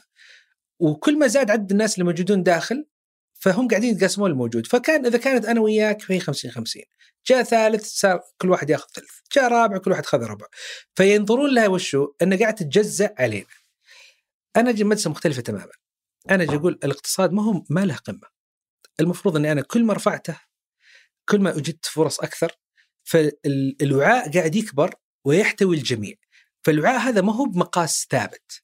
كل ما كل شوي يقدر يكبر. بس الفكرة كيف إني اكبره بشكل كافي بحيث انه لما يدخل لاعب جديد ممكن صح ياخذ حصة مني بس أصلا حجم السوق قاعد يكبر وفي النهاية كلنا مستفيدين. والاستمرارية والإستدامة تكون موجودة. البنوك ما يفكرون بهذا الشكل. طبعا البنوك عندهم مشكلة لأنه يشوف أول شيء بعض التجارب اللي برا. يشوفون تجارب صارت في أوروبا بعضها نجح بعضها فشل. يشوف تجارب صارت في أمريكا بعضها نجح بعض... أمريكا طبعا الآن ما عندهم اوبن يعني أنت تتكلم عن دولة راسماليه بشكل كبير جدا. لكن أتوقع إنه راح يجي اليوم ولا بكرة. آه لكن في نهاية المطاف هم ينظرون للتهديد اللي قاعد يصير من الشركات الصغيرة طبعا إحنا مشكلة جزء ثاني دائما نعتقد إن إحنا محميين ليه بس معلش إذا ما عندهم open banking وشلون آه، أو البيانات المفتوحه للبنوك شلون مثلا هذه الخدمات اللي تخلي إنك تقدر تحصل على بياناتك من كل مكان؟ أتوقع اتفاقيات 1 to 1 فانا أروح أتفق مع إيه، كل بنك على حدة؟ بالضبط مم. بالضبط ما هي ما هي بيانات متاحة اي يعني لأن مثلا بس تحليل بياناتي يعني تخيل إحنا ما عندنا هذه القدرة يعني لازم صح. بس شوف بس يعني هم هم بدوا يعني مثلا لما جو ال peer to peer lending الإقراض من شخص لشخص كانت مشكلة كبيرة كيف آخذ ال credit في بعض المعلومات المتاحة اللي استفادوا منها. يعني ال credit bureau اللي زي سمع هنا. هذه البيانات مفتوحة معهم فأنا كل اللي أحتاجه أبغى أعرف ال credit score حقك كم هو بناء عليه بعطيك القرض. فدخلوا من أبواب صغيرة شوي شوي شوي شوي بدأوا يدخلون إلى قطاعات أخرى. في السعودية مثلا آه بدأت مسألة الحوالات. طبعا هذا يعني بذكر قصة ما عمري تكلمت فيها برضو. الناس تكلمت عن الحوالات البنكية. من خلال خدمات الجوال الآن. أنا هذه كانت إحدى الأشياء اللي حاولت إني أقدمها في 2003 في تراصل الامم المتقدمه كانت لسه وقتها صغيره ورحت جيت أسوي يعني آه، استراتيجيتي كانت في الموضوع. إحنا شركة صغيرة. ترى مكتبنا كان فوق تحتنا مطعم بخاري ومغسلة والله العظيم مدخل مدخل الشركة تدخل بين مطعم بخاري ومغسلة آه، ثياب. أحسن في النص. اي لا لا بالعكس. تنزل تتغدى هنا وثيابك مغسولة. كان الموضوع منتهي. فيستحيل أروح لمؤسسة النقد في ذلك الوقت وأقول لهم يا جماعة الخير تعالوا حطوا ترخيص دفع بالشكل هذا. فاللي سويته ذلك الوقت لأني كنت مؤمن تماما هذا كان آسف في اي في 2004 بديت حتى لين 2007 وأنا بشكل متكرر أرجع له. آه كان السبب الرئيسي اللي خليني أرجع له إنه الحوالات الخارجية في العالم الدولة رقم واحد في الحوالات الخارجية كانت أمريكا الدولة رقم اثنين السعودية وهذا الرقم ما زال هو نفسه إلى هذا اليوم من 15 سنة على الأقل أنا أتكلم من 15 16 سنة من حد ما أنا كنت أشتغل فيه أو على ابحث فيه يعني. آه، طبعا في فرق كبير بين الحوالات الخارجية اللي من أمريكا وسببها والحوالات الخارجية من السعودية وسببها. لأنه في أمريكا في جزء منها كان تجاري لكن السعودية اغلبها لأنه عندك عد العمالة آه والناس تعتقد إن المبالغ الكبيرة سببها إنه في آه مبالغ ضخمة قاعد تطلع من كبار لا أنت مشكلتك إنك عندك عدد عمالة آه دخلها ضعيف وعددها كبير. م. اللي حصل يا طويل العمر لما شفت البيانات هذه جبت لي بيانات من صندوق النقد من البنك الدولي وكان ورحت مؤتمرات لين قلت آمين وجلست في وقتها اللي قلت تعرفت على حق السي أو حق سفاري تيليكوم وأشوف وش طريقة شغلهم وش كانوا يسوون. قلت هذه خدمة يعني أنا كان عشقي آه، يعني مرتبط كل شيء في مخي في الجوال. كيف إني أخلي أقدم خدمات على الجوال؟ ذاك الوقت طبعا حتى ما في اجين ما في هاتف ذكي. ايفون ما كان طلع وقت ما إحنا نتكلم عن الأمور هذه. يعني كل كلامك بتقدمه عن طريق خدمات premium SMS في شيء كانوا يسمونه WAP services ذاك الوقت. آه فقلت بنشوف وش الآلية وأروح أتفق مع شركة فنلندية. شوف الحين التحالف اللي سويته لأنه أنا مدرك ضعفي مع مؤسسه النقد. يعني أنا بالنسبة لهم آه، المعقب اللي جاي. فلازم تشوف شلون تحط المعازيب معك. رحت جبت شركة اسمها كومتل لأن واخترت شركة شركة فنلندية. اخترت كومتل لأنهم هم من يقدم آه النظام المستخدم في الأنظمة الوسيطة في شركة الاتصالات السعودية.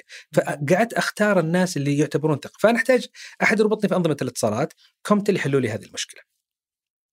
رحت لشركة اسمها في ذلك الوقت كانت ساي بيس استحوذوا عليها اس اي بي لاحقا. ساي بيس هم اللي ماسكين ال database أو قاعدة البيانات في مؤسسة النقد فتبغى أحد مؤسسة النقد تثق يثقون فيه. والحين ورحت كلمت الاتصالات السعودية على أساس يجون معنا كشريك ورحت بعدها ل آه آه اللهم صل على محمد البنك الأهلي. قابلت البنك الأهلي في جدة. في ذلك الوقت كان قابلت واحد اسمه زاهر حجازي هو اللي نسق الاجتماع. أذكر كان ال senior VP في ذلك الوقت عندهم كان طه القويس.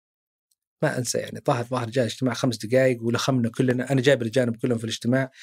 يعني وحنا جالسين وبنقدم أنفسنا ال presentation مو طويل يعني بس أساس نقنع البنك الأهلي يجي معانا وكذا. أذكر أول ما جيت أنا أتكلم أقول أنا والله نبيل قال آه مو مهم أبغى أسمع الشركة.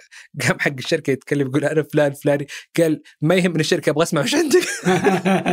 فلخم لخم الجميع. آه فالمهم جلسنا. عرضنا عليهم أخذتهم كلهم جينا كذا على قولهم البنك الأهلي والاتصالات وحنا ورحنا لمؤسسة النقد. أول سؤال سألونا إياه قالوا كيف نضمن انه العملية آمنة؟ طبعا إحنا كنا نتكلم على وش؟ على جزئين. على التحويل وعلى ال micro payment، ال micro payment آه طبعا الشركة اللي جبناها عشان ال micro payment كانت شركة سويدية. كان وقتها في السويد والله شبكت العالم شوف على فكرة ترى عمري ما حبيت طول حياتي على مستوى أشياء بسيطة عمري ما أحب إني أجيب شغلة زي ما هي لأني أعتبر نفسي حطيت نفسي تحت رحمة طرف واحد. على قولهم عارف اللي فرق دمك بين القبائل بس آه، جيب من كل طرف وركب شغلة بس أهم شيء إنها تركب في الأخير كمان. فجبنا هذه الشركة وكان الهدف ال micro payment على أساس الدفعات الصغيرة.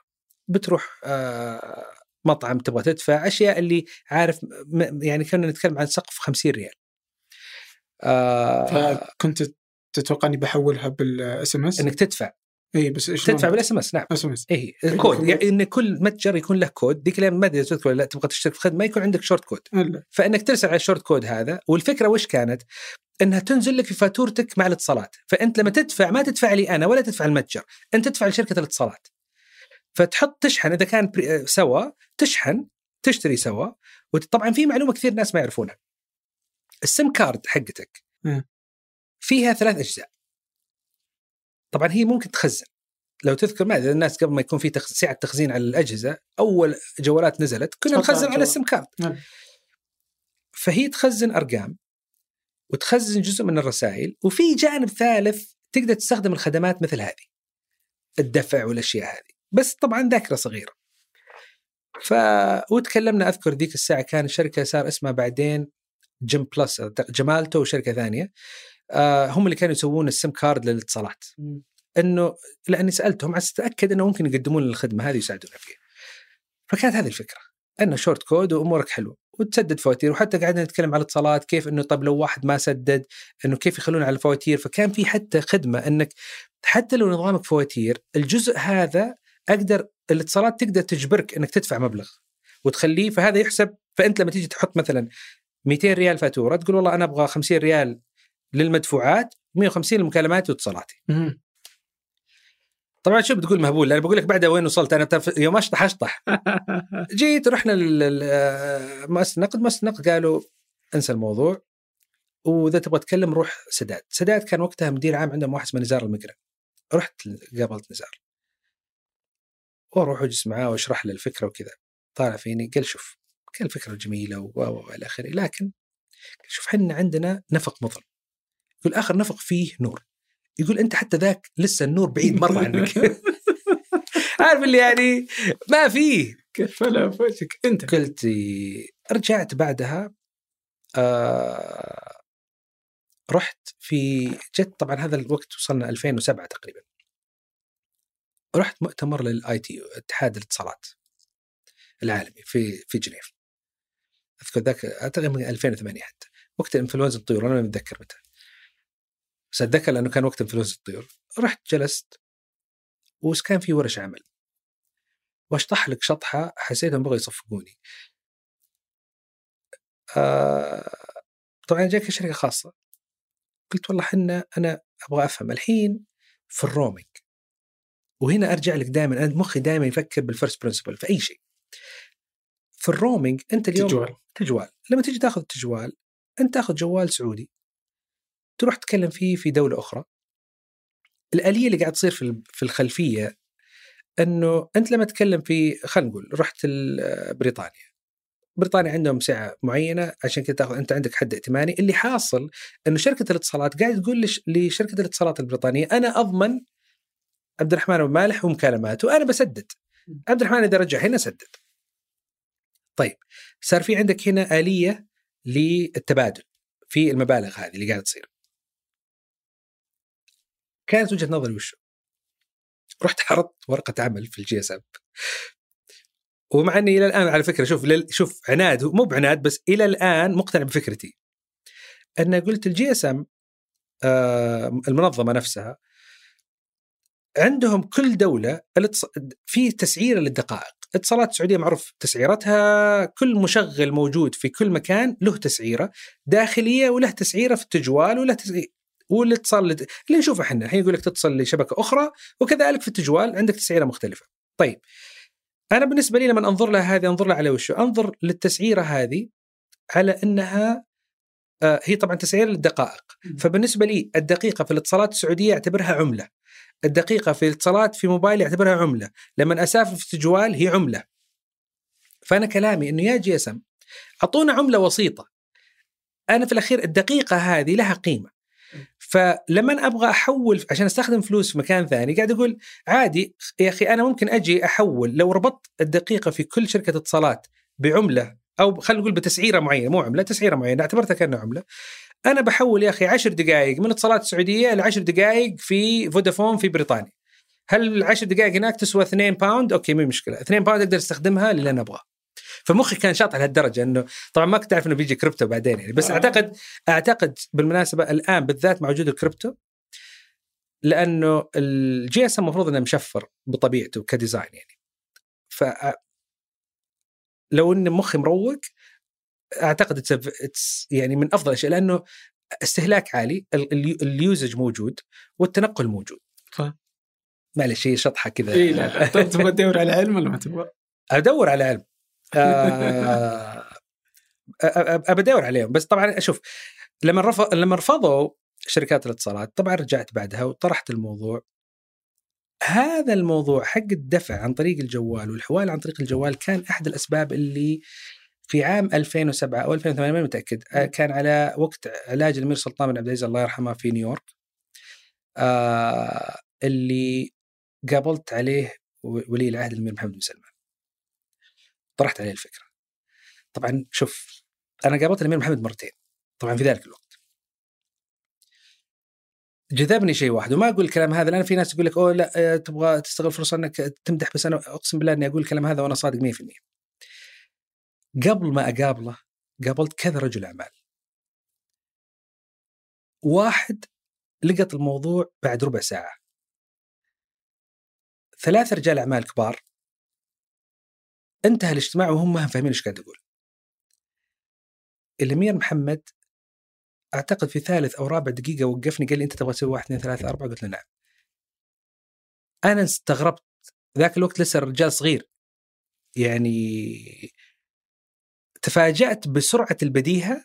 حتى أذكر أول ما جيت جلست دخلت قلت والله معليش سمو الأمير ترى أنا مالي في البروتوكول حق الامراء ما أعرف أتعامل أخاف أقول كلمة غلط ولا شيء. قال لا لا لا أبدا يعني لا تشيل هم. وقال لي تعال اجلس اقرب وجلست وشرحت الموضوع. طبعا كان الهدف وقتها إنه آه كيف ممكن نشتغل على هذا الموضوع؟ آه تكلمنا مع مع الأمير. طبعا يعني مؤسسة النقد كانت أعتقد في ذلك الوقت التح... نسبة التحفظ فيها عالية جدا جدا جدا جدا ما قدرنا نسوي شيء. آه بس كانت أحد المناسبات يعني اللي اليوم لما أسمع أحد يقول انه الأمير عنده سرعة بديهة أنا أقول لك أنا شفت الشيء هذا فأتخيل اليوم سرعة البديهة بالذات بالأشياء اللي موجودة عنده أعتقد سرعة البديهة اليوم 100 ضعف عن اللي أنا شفته. ف كانت بالنسبة لي لأني أشوف ناس أكبر وما قدروا يلقطون الموضوع أقسم بالله يعني في بعضهم أسماء كبيرة كبيرة وتتوقع إن شافوا بزنسز لين قالوا امين اللي سهل جدا يلقط السالفة. هو لقط السالفة بالكامل وشرحت له وريته الإحصائيات وهذه. فكان شيء صراحة بالنسبة لي ملفت جدا الانتباه اللي ما أنساه إلى اليوم. امم هذا عام كم؟ أعتقد 2007 2008 إذا ماني غلطان. يعني حتى كانوا في نيويورك وجو وتقابلنا اللقاء كان 12 ونص في الليل يمكن في القصر. آه يعني أذكر إنه وصلوا وصلوا بعد ما وصلوا يعني كانوا جايين من المطار قالوا تعال. ورحت وكان وقتها حتى كذلك يعني آه، أحد الأمراء موجود اللي نسق الاجتماع في ذلك الوقت. طبعا الحين نرجع لموضوع علم. علم وغيرها أنا ما أتكلم عن العلم فقط. اللي هي إحنا نتكلم عن هذه النوع من الشركات أي الموجودة شوف. في السوق. آه إحنا إذا اليوم تبغى الاقتصاد يكبر وتبغى توجد محركات كثير موجودة فيه. ما تبغى شيء اللي خلينا نقول اللي يبدأ ينافس كل أحد قاعد يشتغل معه. اليوم أنت عندك الشركات هذه كبيرة شركات حكومية أو شبه حكومية. واحدة من أكبر الأشياء اللي جالسة تصير في المنظومة بشكل عام اليوم إنه تبدأ شركة ستارت أب تشتغل في فكرة معينة فجأة تلقى جهة حكومية طلعت فيها. آه وهذا ما أظنه على المدى الطويل آه يخدم المنظومة ككل. ليش؟ لأنه لعدة أسباب، اولا الجهات الحكومية أو شبه حكومية اللي يشتغلون فيها يبقى بفكر حكومي. فكر أنا مستقر وجالس عملية تطوير صح بتكون موجودة لكن وش الحافز حقك غير الراتب اللي أنت قاعد تأخذه؟ ما حد راح يجي يعطيك بونس ولا حد راح يجي فجأة تلقى نفسك يعني CEO الشركة، في حد معين يستحيل إنك تتعداه، يعني هذا الواقع. صح. طيب كيف أشجع ستارت أبس إنها تشتغل؟ كيف تشجع المستثمر يدخل بجرأة؟ لأنه أول سؤال بسأله لنفسي اليوم إذا التشريعات صعبة ما راح أقدر أدخل فيها إذا غير التشريعات الحين صار عندي تهديد أكبر أنه والله ممكن الجهة اللي أنا قاعد أقدم وسمعت عن أكثر من مشروع راحوا إلى جهات معينة قدموا لهم فكرة معينة رفضوها بعد بعدها بفترة لقوا الجهة قدمت نفس الخدمة اللي تكلموا فيه الشيء اللي قاعد يفقدونه الجهات هذه أن أنت قاعد تتكلم عن ناس جاية متحمسة تحرق نفسها وبتشتغل ليل نهار مستعد يقعد ينام في المكتب. ترى الموظف اللي عندك ما راح يسوي شيء هذا. بيسلم المشروع بعد كذا بيقول لك مع السلامة. إذا ال system دام يعني في حد بيقدر يتكلم آه، آه، آه، مع الدولة ولا يقول ما في. ف في وجهة نظري المفروض هم يكونون enablers وممكنين لهذه الجهات أكثر من إنهم يكونون منافسين لهم. فهو طبعا شوف هي شعره يعني معاوية بين الطرفين. أعتقد أنهم يح... لو حتى يقولون والله أوكي ناخذ خطوة للخلف ونمكن الآخرين وأبد إحنا مستفيدين من تمكين الجميع آه ككل.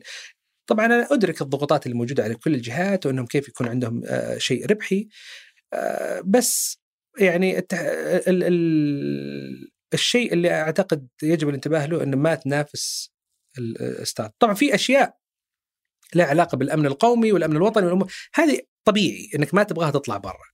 لكن في أشياء end user أنت ما بحاجه إنك تدخل فيها. اليوم لو أنا علم بدل ما أقعد أدخل في أشياء صغيرة ولا حتى سدايا بدل ما أدخل في أشياء صغيرة أدخل عندك ال cloud services يا أخي خذ الأشياء الكبيرة اللي الأمن الوطني يدور عليها واللي بتطلع لك فلوس أكثر. يعني اليوم إحنا لما نشوف امازون بكبرها شوف كم دخل امازون من من خدمات سحابية من AWS ومن دخل من, من ال e-commerce لكن اليوم يعني صدمة من الصدمات اللي جتني. شوف أنا يمكن بعد الحلقة ذي يقفلوا لك البرنامج الله بس صدمة الصدمات اللي جتني قبل أسبوعين يمكن لما قالوا سدايا بيبيعون تذاكر الدوري. مسكت راسي. تبيع الدوري ليش يعني؟ طيب لو في منصة تبيع تذاكر اليوم ما عاد بتقفل. لكن أنت اليوم وش تحتاج مثلا؟ تبغى آه، تضمن ما في منصة. والله اللي أعرف إنه في منصه أوكي. يعني آه وحتى لو ما كان فيه أمكن هذه المنصة. إذا إذا أنت تبغى اليوم يعني اليوم شوف تبغى لما نجي نتكلم عن عقود إيجار موحدة، عقود آه، إيجار سيارات موحدة وغيرها وغيرها وغيرها الكل لازم يروح يتكلم مع علم أو مثلا سدايا أو غيرها. أبد خلهم يتكلمون يا عمي خلي يحط لك اي بي اي وخلي على كل بينك خذ منه فلوس. أبد. بتشتغل يا حبيبي من شهر طالع واكل نازل واكل. بس هذيل الصغار هم اللي بيخلقون وظائف. ومو بس وظائف هذا يشيل الحمل عن الدولة. يعني آه، سواء كان من خدمة مدنية وغيرها وغيرها. ف يعني الفرص اللي بيفتحها القطاع الخاص دائما أكبر بكثير من الفرص اللي ممكن يفتحها القطاع الحكومي. لأن اليوم القطاع الحكومي لو فتح القطاع الحكومي في نهاية المطاف دور جزء كبير من دوره تنموي. الجانب التنموي كويس لكن مشكلته يرهق الدولة. اليوم مع التعداد السكاني اليوم السعودية فيها انفجار سكاني بغض النظر يعني الأرقام لو تقعد تشوف أعتقد السعودية آه كل 20 سنة زياده نسبة السكان 50% المتوقعة فيها. حتى لو كانت أقل ما زالت النسبة عالية أنا أذكر جيت أنا جيت الرياض مويد الخبر اليوم جينا الرياض في نهاية 92 يعني ترى البر لنا ذيك الوقت ذاك الوقت كان عند مستشفى المملكة الآن. فلما أشوف ما شاء الله تبارك الله العمران وال... هذه كلها ترى تجي بتكاليف عالية. وبالذات لما تتكلم إنه الدولة جالسة تدعم كثير من الخدمات سواء كان كهرباء أو بنية تحتية أو فكل ما زاد عدد الموظفين الحكوميين كل ما زادت العبء على الدولة. أكثر وأكثر. فما أعرف إيش يعني أتوقع طبعا دائما الواحد يفترض إنه في على المدى الطويل في خطة أخرى موجودة. آه، أنا لو مكان الشركات هذه أبد. يعني وعلى فكرة هذا النطاق الكلام هذا مو بس على علم. حتى على شركة زي الاتصالات. الاتصالات في عام أعتقد 2017 في جايتكس كانوا SC Solutions توهم بادين الظاهر أو أو فكان أحد آه، آه، اثنين من اعضاء مجلس الإدارة يقول تعال شوف زور ال stand حقهم في في جايتكس. في دبي المهم أروح ويوروني الخدمات اللي قاعدين يسوونها وجاني كان وقتها أحد المدراء في قال والله شوف إحنا نسوي كذا ونسوي كذا ونسوي كذا ونسوي كذا طلعت قلت طيب والشركات الصغيرة المتوسطه إيش تسوي؟ مو بس المتوسط شركات ال IT اللي في البلد كلها وش تسوي؟ يعني هذيلي كلهم كانوا يعني أنا أتخيل نفسي لو كنت قبل ما رحت أمريكا وكملت أشتغل كشركة تقنية معلومات اليوم جت SC Solutions بتقدم الخدمات اللي أنا أقدمها. على عيني وراسي. طيب المشكلة الثانية اللي موجودة عندي هنا أنت مو بس دخلت منافس أنت قاعد تقتل وظائف. طبعا هم ينظرون للوظائف اللي هم قاعدين يفتحونها بس ما يشوف ما فكروا في الوظائف اللي هم قاعدين تقفل بسببهم. أبسط مثال شيل هذا أعطيك مثال واضح جدا. شيل هذا كله حطه على جنب. SCB خدمة ممتازة جدا. وبالمناسبة يعني أنا من الناس اللي أعتقد كثر ما ال deal حقهم أو الصفقة اللي سووها مع وستن يونيون جيدة كثر ما أعتقد إنها ظالمة لهم كان ممكن يسوي شيء أفضل. آه، أعتقد وستن يونيون ربحان أكثر يعني لو تنظر أعتقد وستن يونيون مستفيد أكثر من STC Pay بالذات لأنه على الحوالة لأنه أرجع مرة ثانية أقول لك السعودية ما زالت الدولة الثانية في على حوالات الخارج. وقاعدة البيانات في هذا الموضوع كلها موجودة عندهم هي موجودة عند أحد ثاني. ف استغرب إلى هذه اللحظة. يا STC يعني ما شاء الله بالجبروت STC والشركة عندها كم 150 مليار احتياطي مبالغ يعني أنا احتياطي كان Apple السعودية. طيب يعني عن عن العين كان شريتوا لكم واحدة من ال fintech اللي موجودة الصغار دي اللي تقدم خدمات مماثلة؟ ومو مشكلة خذوهم وحطوهم عندكم اللي بيشتغلون وخلوهم ضمن فريق STC Pay ومش كمل طريقك فيها. يعني ما ضرك. وكانت راح تكون ال PR فيها وفعل ومو بس كجانب إعلامي لا بس حتى كجانب حقيقي ودعم لل- للسوق. يا أخي إحنا إذا ما عندنا ثقافة إني أستحوذ على ناس صغار وأشغلهم وأكبرهم متى بج... إذا ما جت اليوم متى بتجي؟ يعني مرة ثانية لأنه الشيء اللي لازم نفهم فيه اللي على قولهم يسمونه ال butterfly effect ما أدري تعرف بتاثير فراشه آه، يعني إنه اليوم لما إذا أنت ما دعمت شركة صغيرة أو تضررت شركة صغيرة من تحرك أحد الكبار والعمالقة في السوق بالتالي لأنه طبعا الفكر فكر إحنا ما عندنا فكره أنا أشتري وبختصر وقت على السوق لا لا أنا إحنا دائما فكرة أنا أبني أنا أعرف ما ما لا تعلمني أنا بسوي بنفسي. أجيب فريق وشو؟ اذا هذا الفكر موجود طيب ترى عادي ترى كل startup 10 أشخاص أجيب لي 20 واحد أقفل عليهم في غرفة خلص ما في startup آه، من الأساس في العالم هذا ما تحتاج شركات ناشئة. لكن الواقع فيه أهداف كثيرة. اليوم لما تيجي تقول أنت لا خلاص إحنا ما نبغى نشتغل هذه شركة ناشئة صح إنها ممتازة وم- وممكن تصير منافسة بس ما نبغاها. إحنا بنسوي بأنفسنا أرخص لنا. ليش؟ لأن في شخص مالي موجود في الموضوع هذا يفكر فقط على دائرة ضيقة يقول يا عمي أنا أشتري ذيلي ب 100 مليون ولا أبني فريق ب 30 مليون وأقعد ب 70 مليون أستفيد منها أسوي فيها تسويق و إلى آخره. بس هو اللي ما فكر فيه أن الشركة هذه ما راح أقول لك البيوت المفتوحة. أنت أثرت في الشركة رقم واحد أثرت في المستثمرين رقم اثنين أثرت في المنظومة رقم ثلاثة. فالتأثير حقك قاعد يتعدى فقط أنها منافسة. بالإضافة لأنك ترى ممكن يجيك واحد اليوم منافس ثاني يتعامل معهم بطريقة مختلفة ويسبقونك في السوق. بالذات إذا كان عندك رائد أعمال عارف اللي عندها الاستعداد للحركة السريعة اللي لما تجيه الضربة يعرف يلف ويجيك مرة ثانية. آه بدون وغير ما إنه ممكن إنك أنت تدفع برضه 30 مليون أو تدفع 60 مليون ولا تقدر آه، ولا توصل آه، للي وصلوا له. مرة يعني ثانية. ما في لا- لا، ضمان. ما- في مو ما في ضمان. ما في حافز. اليوم لما تيجي تقول لي شركة كبيرة أسست إدارة ولا أسست شركة تعطيك أسهم؟ يعني ب- بينما شركة ثانية جالسة تقول لك اسمع ترى أسهمك اليوم تسوى ألف ريال. بس اشتغل عليها ترى ممكن توصل مليون. تحرق نفسك ليل ونهار حياتك. بس الشركة الكبيرة اشتغلت ضبطت ضبطت ما ضبطت استقلت رحت شركة ثانية. فهذا الفكر اللي ودك إنه يتغير. طيب على المنظومة آه، أتذكر فيه آه، آه، تغريدات لك في 2020 يعني في سنة 2020 آه، كنت تتكلم على التخارج. كيف أن التخارج واحدة من أهم الأشياء للمنظومة لأن المستثمر يبغى يطلع فلوسه. في الأخير أنت حاط يعني عندك سنوات محددة للتخارج كصندوق وغيره. اليوم يعني أمس برجرايزر طرح فيه نمو 500 يعني في المئة نسبة التغطية. آه، يعني سوق نمو ما أتوقع أنه كان وقتها بهذا ال- النضج حتى. آه، كيف تشوف اليوم؟ هل تغيرت المسألة؟ صار أفضل ولا يعني أصلا؟ شوف اليوم ما أعتقد إنه مقياس لأي شيء. خصوصا. جاهز برضو جاهز على وشك إطلاع آه، صحيح. طرح. آه طبعا انت اعطيت مثالين. يعني برجرايزر يعني بزنس تقليدي مقابل جاهز آه يعني أنا يعني- أعتبر جاهز حتكون محور كبير يعني نقطة تحول في السوق. آه بالنسبة للاستثمار لكن شوف بالنسبة للتخرجات بشكل عام إحنا من عام آه 2017 تقريبا أعتقد إحنا ما إحنا في سوق عادي ابدا. الأوضاع في كل الأسواق المكررات ربحية مرتفعة جدا آه أي إنسان ينظر فقط حتى اللي ما يفهم لو بس ينظر بنظرة تاريخية لأداء الأسواق يعرف إنه هو في الوضع الآن غير طبيعي. طبعا هل هذا يعني اللي قاعد يصير غلط؟ لا لأن الشركات من حقها تستفيد من فرصة وجود بيئة مثالية مثل هذه للطرح عشان يطرحون أنفسهم. وين المشكلة اللي تصير؟ إنه أحيانا ممكن تطرح شركة آه تأخذ آه يعني تحاول تستفيد من هذه البيئة لكنها هي غير صالحة لأنها تطرح. آه فطبعا هذه تسبب مشاكل المستثمرين. فالمستثمر الطبيعي أحيانا يحتاج يشوف ويقرأ، إحنا ترى مشكلتنا الناس من كثر ما إنهم تعودوا لما نيجي يشترك في خدمة ما يقرأ شروط الاستخدام صار في كل شيء ما يقرأ.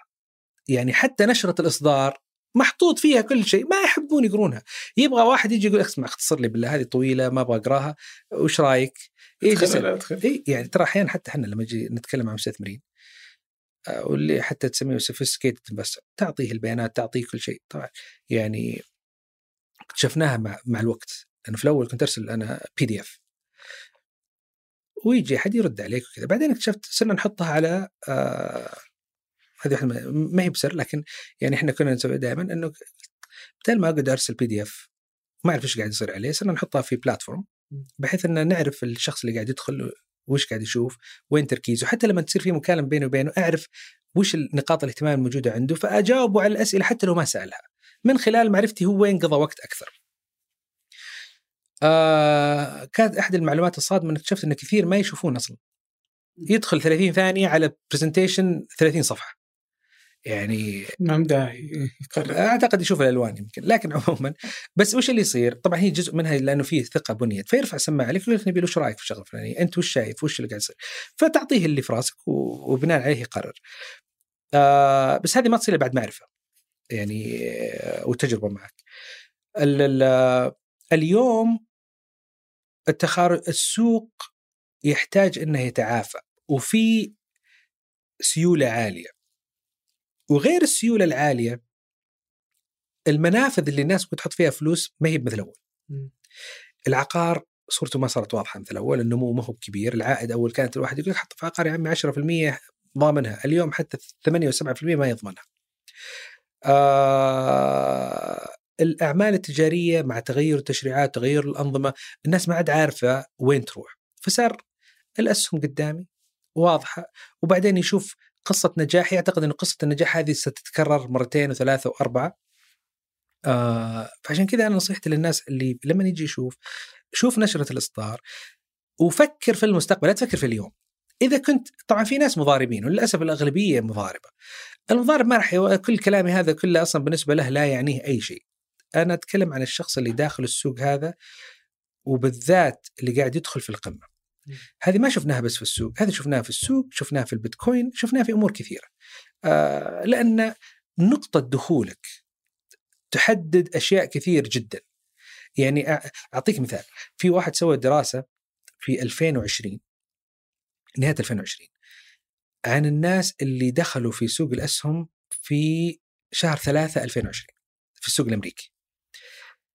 في ناس دخلوا في أيام معينة اللي في نهاية السنة كان محقق ضعف وفي بعضهم ثلاثة أضعاف بينما في آخرين حقق 20% لأن نقطة الدخول فرقت معه.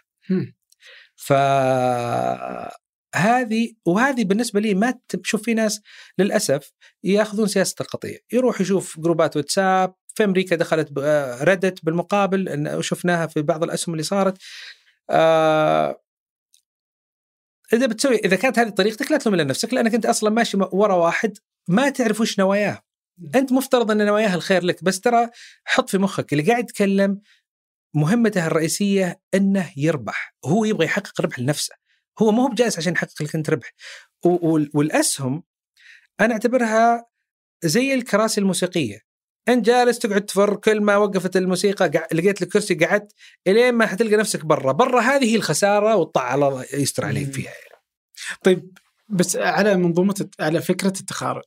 إيه؟ صار السوق أفضل ولا لا يزال يعني؟ السوق أفضل. السوق أفضل بشكل كبير لأن مرة ثانية صارت ال ال ال آه لوفرة السيولة. إيه؟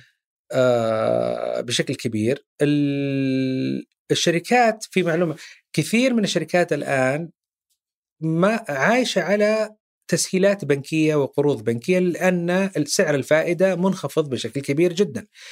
فايش يسوي؟ يروح يشتري شيء فيها شركات ويسوي فيها ليش؟ لأنه هذه أسهل طريقة له عشان يعكس نمو. فأشتري شركة ممكن تكون تفتح لي مجال جديد، في الأخير هو يبغى يقنعك أنت كمستثمر بإيش؟ يبغى يقنعك إن أنا عندي مستقبل وانه القادم أفضل. إذا أنت اقتنعت إن القادم أفضل راح تقتنع بالسعر اللي قاعد تشتريه اليوم. إذا أنت مقتنع بتبيع.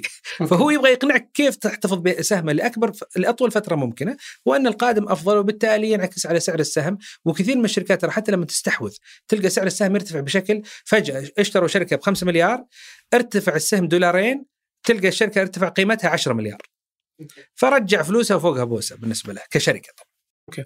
طيب في عام 2020 آه، من الحديث عنه آه، عدد الشركات اللي الناشئه اللي بدأت أكثر من 4 مليون شركة. نصها طبعا في الصين وأمريكا. بس آه بس يعني على هذا الزخم الكبير كثير منها تحصل على استثمارات وفلوس وزي كذا. لأن في نفس الوقت آه عدد كبير منها يفشل. آه يعني كم بالنسبة المتوقع أتوقع 70% وأكثر من الشركات يختلف. أنت؟ تتوقع 50% عادة تختفي؟ مم. تختفي تماما.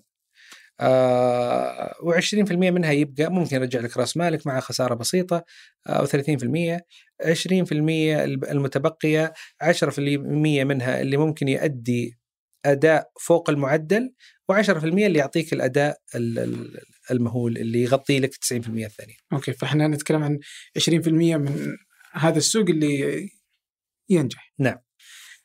طيب ودي اخذ هذول ال 80% وش أبرز أسباب فشل الشركات الناشئة؟ شوف في بعضهم أكثر شيء شفته بعضهم يبدأ في المكان الغلط ويبدأ في توقيت خطأ. آه بعض رواد الأعمال أساسا تقييمه وطريقته للسوق كانت بالخطأ من البداية. آه، يعني بمعنى آخر وهذه نلاحظها يمكن في أسواق آه خارج أمريكا. وفي بعض الأحيان أصلا اللي بادي يعني عارف آه، بدأ فكرة بس لأنه جالس يسولف يعني آه، في مجلس وهذا مو في ناس تعتقد إنه يتكلم على العالم العربي لا والله نشوفها حتى في أمريكا. يجلس يسولف في مكان ما يعتقد ان المشكلة هذه موجودة عنده وموجودة عند الكل وهي ما هي موجودة إلا في المجلس اللي هو جلس فيه لأنه محيط ومثله و- يعني نفس الفئة اللي هم جالسين. فيعتقدون إن عندهم نفس المشكلة. وبعطيك مثال حتى على هذا الشيء آه، مثال واضح يعني آه، يخلي الصورة أوضح. ال- ال- الجانب الآخر إنه افتراض وجود مشكلة وهي فعلا ما هي مشكلة. أو يبغى يخلق المشكلة من مخه. ويعتقد إنه جاب لها الحل. هو فعليا إيش يكون؟ يكون عنده الحل لشغله في مخه فيعتبرها مشكلة فيطلعها ويحاول يكبر هذه المشكلة كصورة لكن الناس غير مقتنعين. آه في حالات أخرى آه التشريعات ما تخدمهم. يظهر تشريع يعني أعطيك في في هذه النقطة بالتحديد في أمريكا العام الماضي والعام هذا والسنة هذه صار في كلام كبير على اوبر ولفت إنه اللي يشتغلون عليها آه إنهم هل هم موظفين بدوام كامل وع... طبعا ليش؟ هي يوم بدأت كفكرة بدأت إنها تقول لك أنت عندك شغلة بس هذه ترى شيء دخل إضافي. الناس لما بدأت تشوف الدخل قاعد يرتفع تركوا أشغالهم بدأوا يشتغلون فيها واعتبروها هذه full time job أو وظيفة بدوام كامل بالنسبة لهم. سببت مشكلة تشريعية.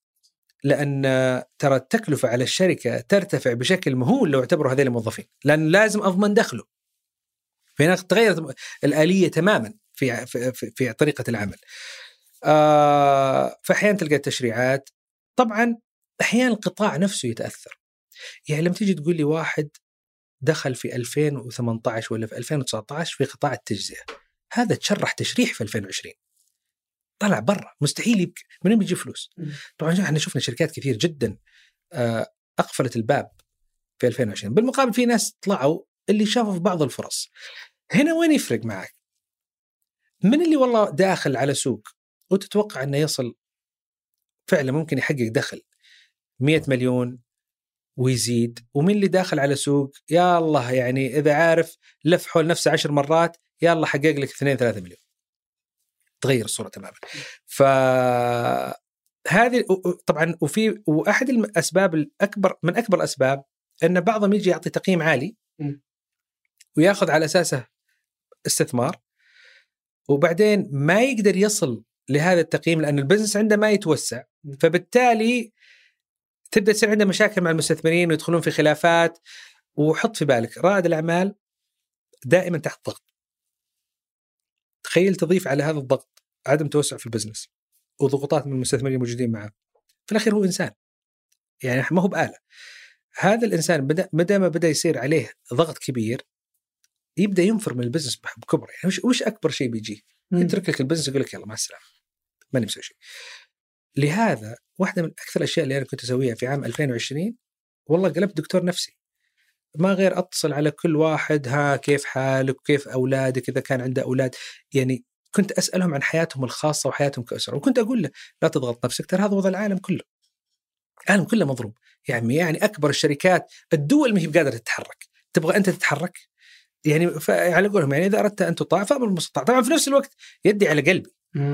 لكن تبغى تحسن من نفسيتهم لأن هو تبغاه يسوي أكثر شيء يقدر عليه لكن في نفس الوقت وفي نفس الوقت ما تبغى الشركة تفشل. يعني هي أنت كأنك قاعد تمر بعاصفة تبغى بس تقول يا رب لا أنقلب أمشي بس أعدي من العاصفة هذه وبعد كذا تروح للي, للي بعده.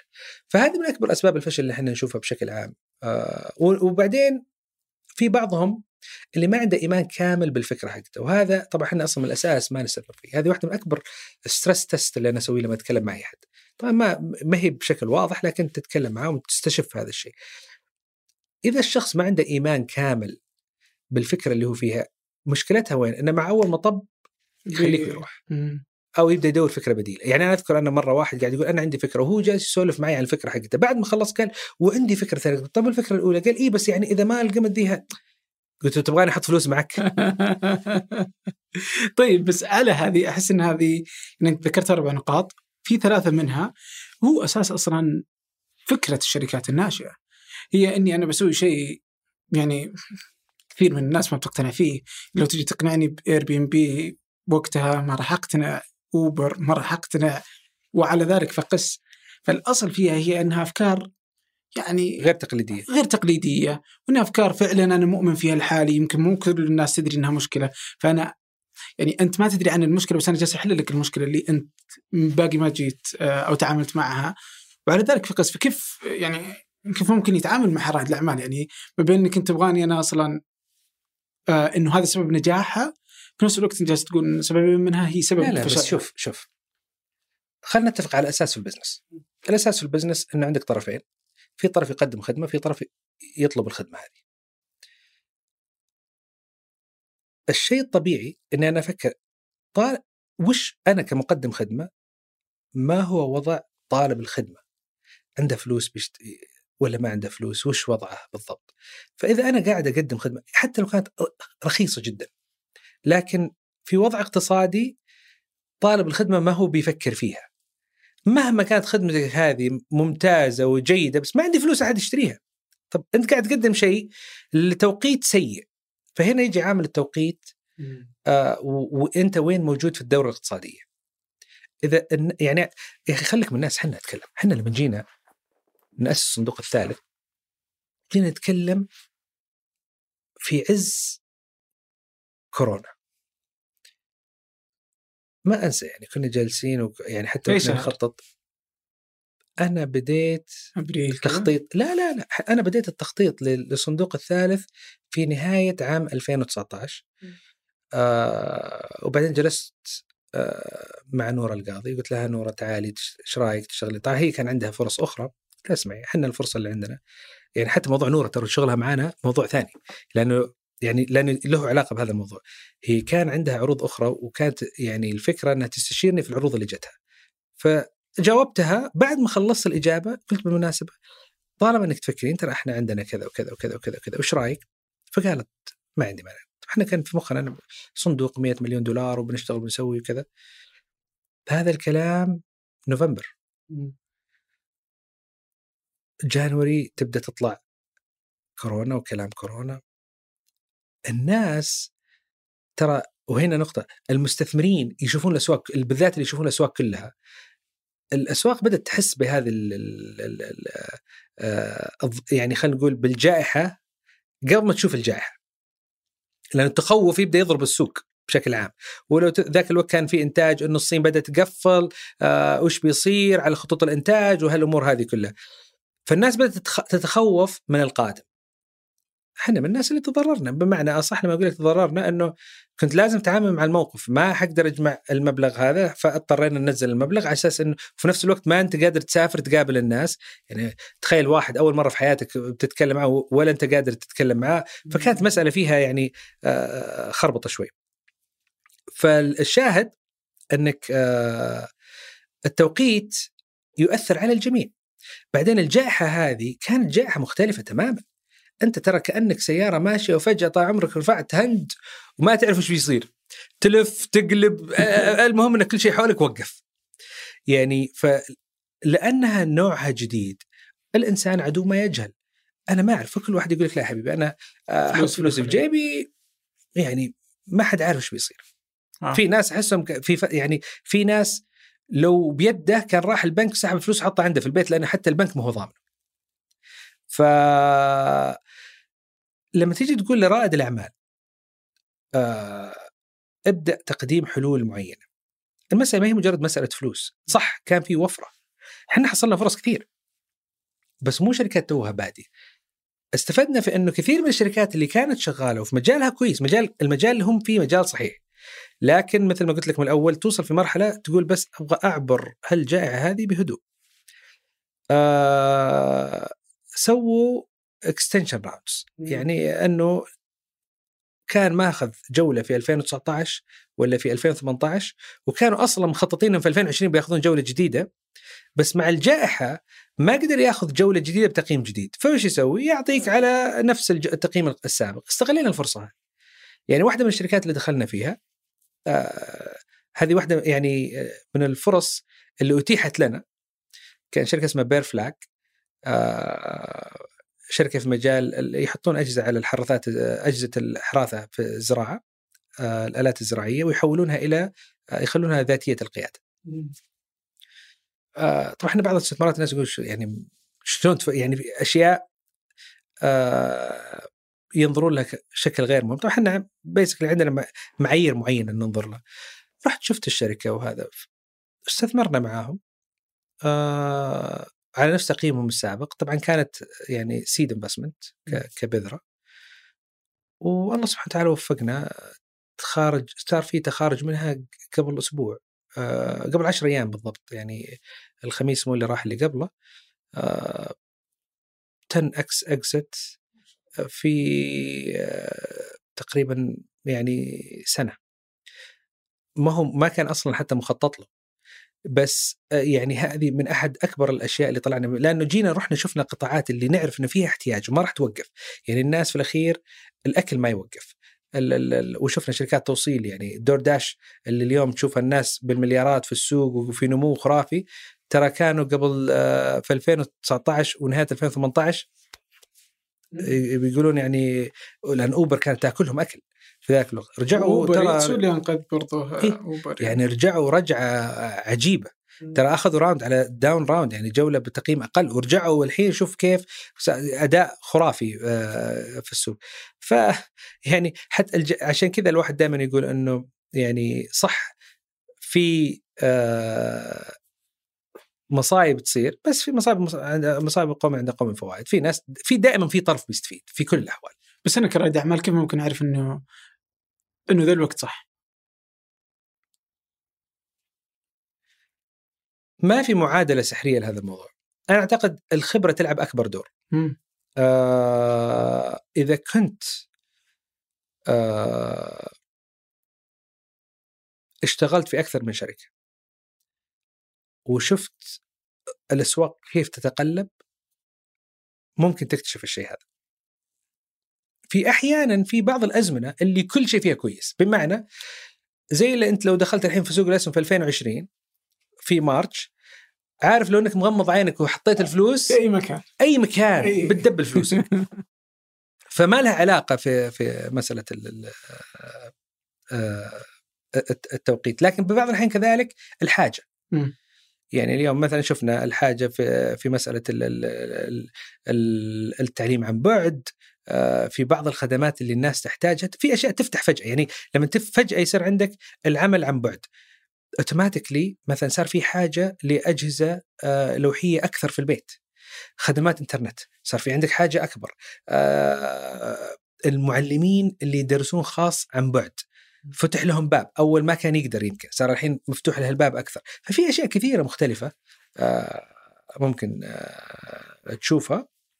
أعتقد آه، تتاح لك آه، نوعا ما فيها gut feeling إحساسك يكون له دور كبير في الموضوع هذا وعامل الخبرة. عامل الخبره يعني. طيب آه لازم نسوق نفسنا الشيب ذا ما طلع. طيب على على على الخبرة. وأنت تتكلم آه يعني تشوف إنه في بعض التجارب اللي دخلتها كنت آه تصر تجلس وتقعد يعني كم قعدت في سالفة التحويل اللي ما ضبطت حتى؟ سنوات. صحيح أربع سنوات تقريبا آه. خمس سنوات. آه. يعني فجلست سنوات كثيرة وفي الأخير ما ضبطت معك. اي بس كنت تسوي أشياء ثانية ما كنت أجلس كذا متفرغ لها. تمام. بس أحيانا برضو أنت. لما تخيل إني أنا الحين بسوي شركه الحين متى أصر على إن هذه الفكرة بتضبط ومتى أختار إني أنا أسوي كذا تحول بيفت خفيف؟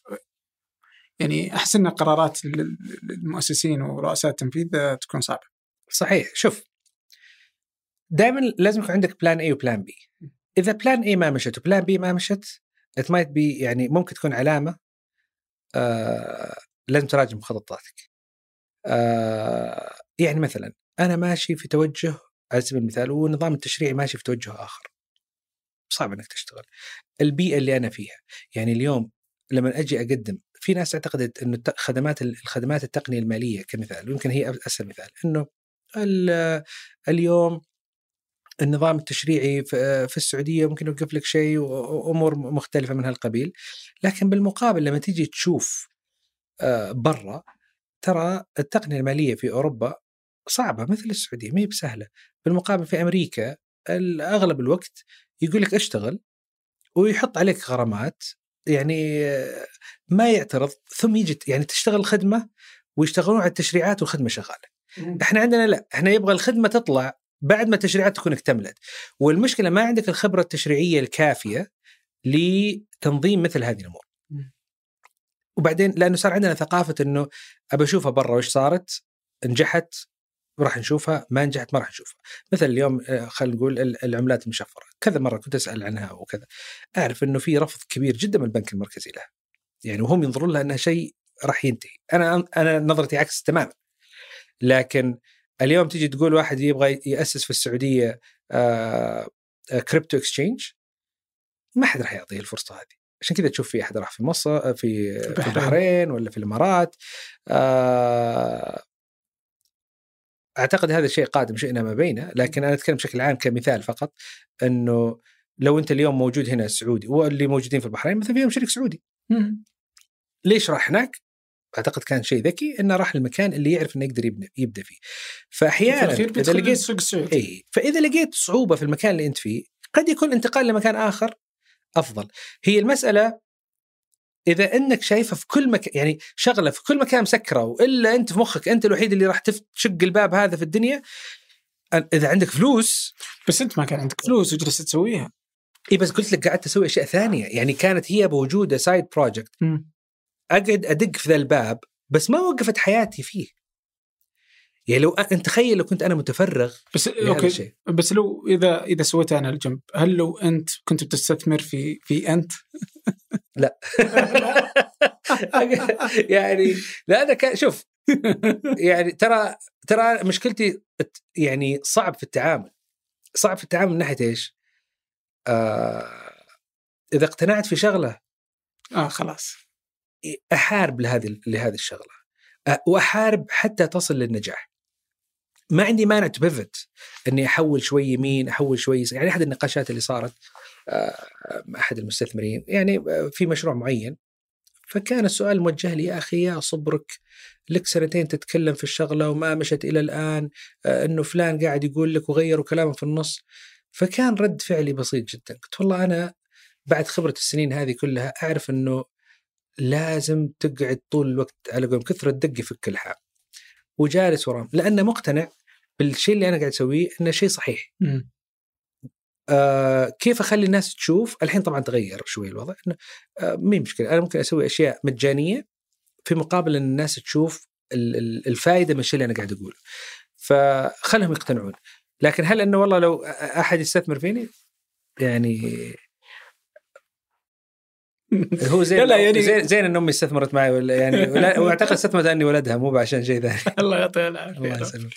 طيب الآن على الاستثمارات وعلى المستثمرين. لأن يعني في مشاريع يعني أشوف إن المشاريع أصلا عادة تكون يعني ما هي برضو تقاس بالأرقام.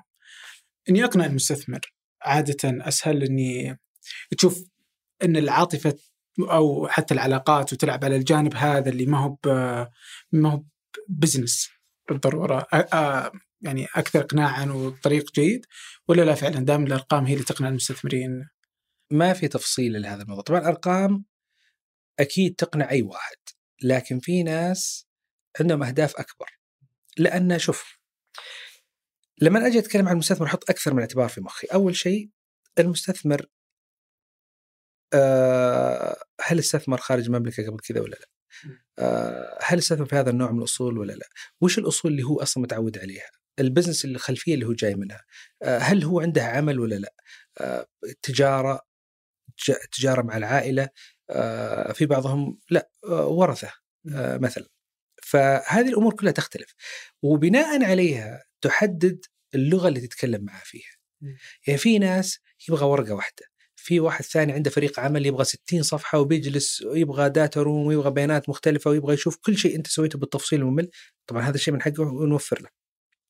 فأنت في نهاية المطاف لابد تحدد العميل. وفكر العميل وأتكلم لغة العميل مو بلغتي أنا. فما هي فقط أرقام يعني تلقى في بعض الأحيان آه في ناس يسألك أول ما يسألك عن الجانب الشرعي في استثماراتك آه يبدأ فيه.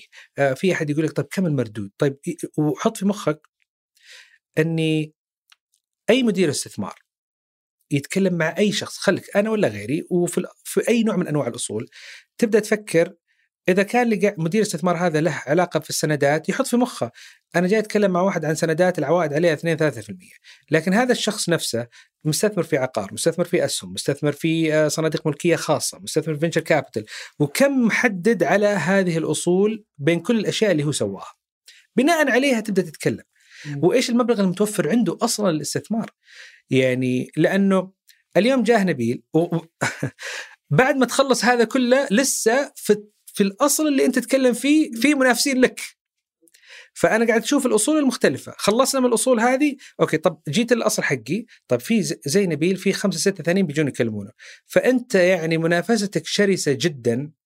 آه لكن دائما أنا أحاول النقطة الرئيسية اللي أتكلم فيها حتى لما أجي أتكلم مع مستثمر سواء استثمر معنا ولا لا أحاول قدر الإمكان بالذات اللي ما سبق له الاستثمار في أصل مثل ال venture capital إني أبين له وش وطريقة التفكير في ال venture capital سواء كان قاعد يستثمر في مرحلة مبكرة مرحلة نمو مرحلة متأخرة. ليش؟ حتى لو ما استثمر معي واستثمر مع غيري ما عندي أي مشكلة في الموضوع. بكرة ممكن يشوف هنا تبدأ الأرقام تتكلم. الصندوق هذا ما استثمر الصندوق الجاي لما نشوف الأداء حقك بيقارنك بأداء الصندوق اللي هو شغال فيه. إذا أنت أفضل بيجيك. ليش؟ بدأ يرتاح للأصل. فالنقطه الأولى أنه لازم يرتاح لهذا النوع من الأصول ويقبل الاستثمار فيه. بالنسبة لي هذه منظومة المستثمرين ومدراء الاستثمار. فعشان كذا في ناس يقول لك آه كيف الصناديق تتعاون مع بعض؟ بالعكس أنا أنظر إنه مفروض الكل يتعاون.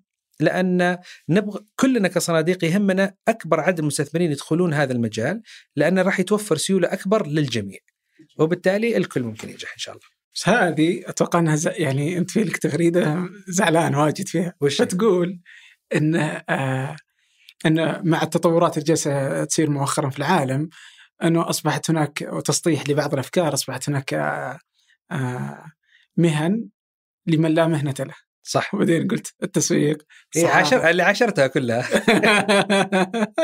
تحليل الرياضي تحليل السياسي. المفروض واحد يقفل تويتر معاكم ما يقدر يخليه. بعدين انت آخر حاجة طبعا ريادة الأعمال مدري شلون زي كذا.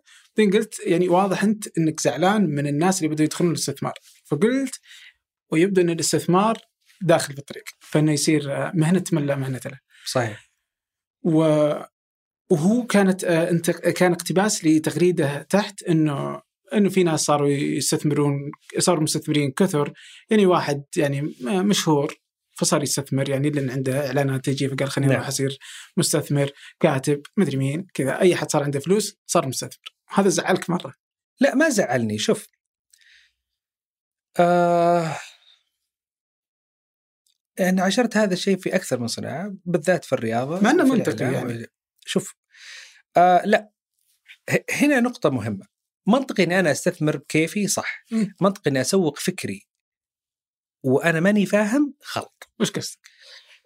لما يجي أحد يدخل اليوم يقول أنا بستثمر في القطاع التقني.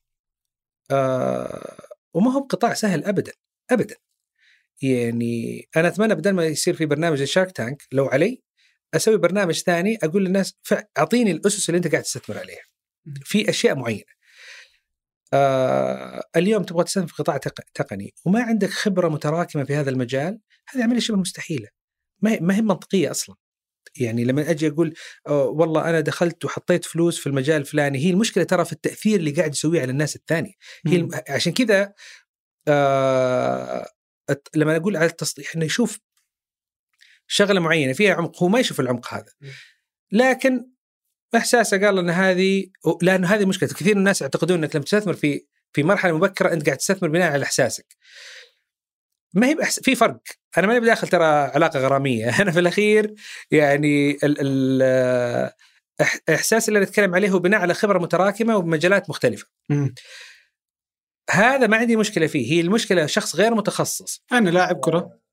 جتني فلوس كثير شوف لا تدخلنا أنا ما كنت أقصد أحد لاعب كرة وكذا ترى لا، لا، لأنه حتى طيب، حتى, في. الغرب موجود هذا الشيء اي أنا أدري يا اللي تبغى أنا مشهور اللي تبي تطرطنا أنا كأني أقصدهم أنا ما أقصد أحد منهم لكن يعني بس هذه الفكرة إنه في ناس تجيهم فلوس فجأة ومن ثم يبدون ما يدخلون حتى حتى اللي عنده فلوس من أول اي يصير مستثمر صح إيه. ليش؟ شايفه ترند إيه. زي ما صار في مو هذا النقطة اللي ما. المشكلة يعني؟ أنا أقول لك المشكلة هذا ما هو بكب كيك هذا ما هو آه، food truck اللي والله الاستثمار فيه صغير ويدخل.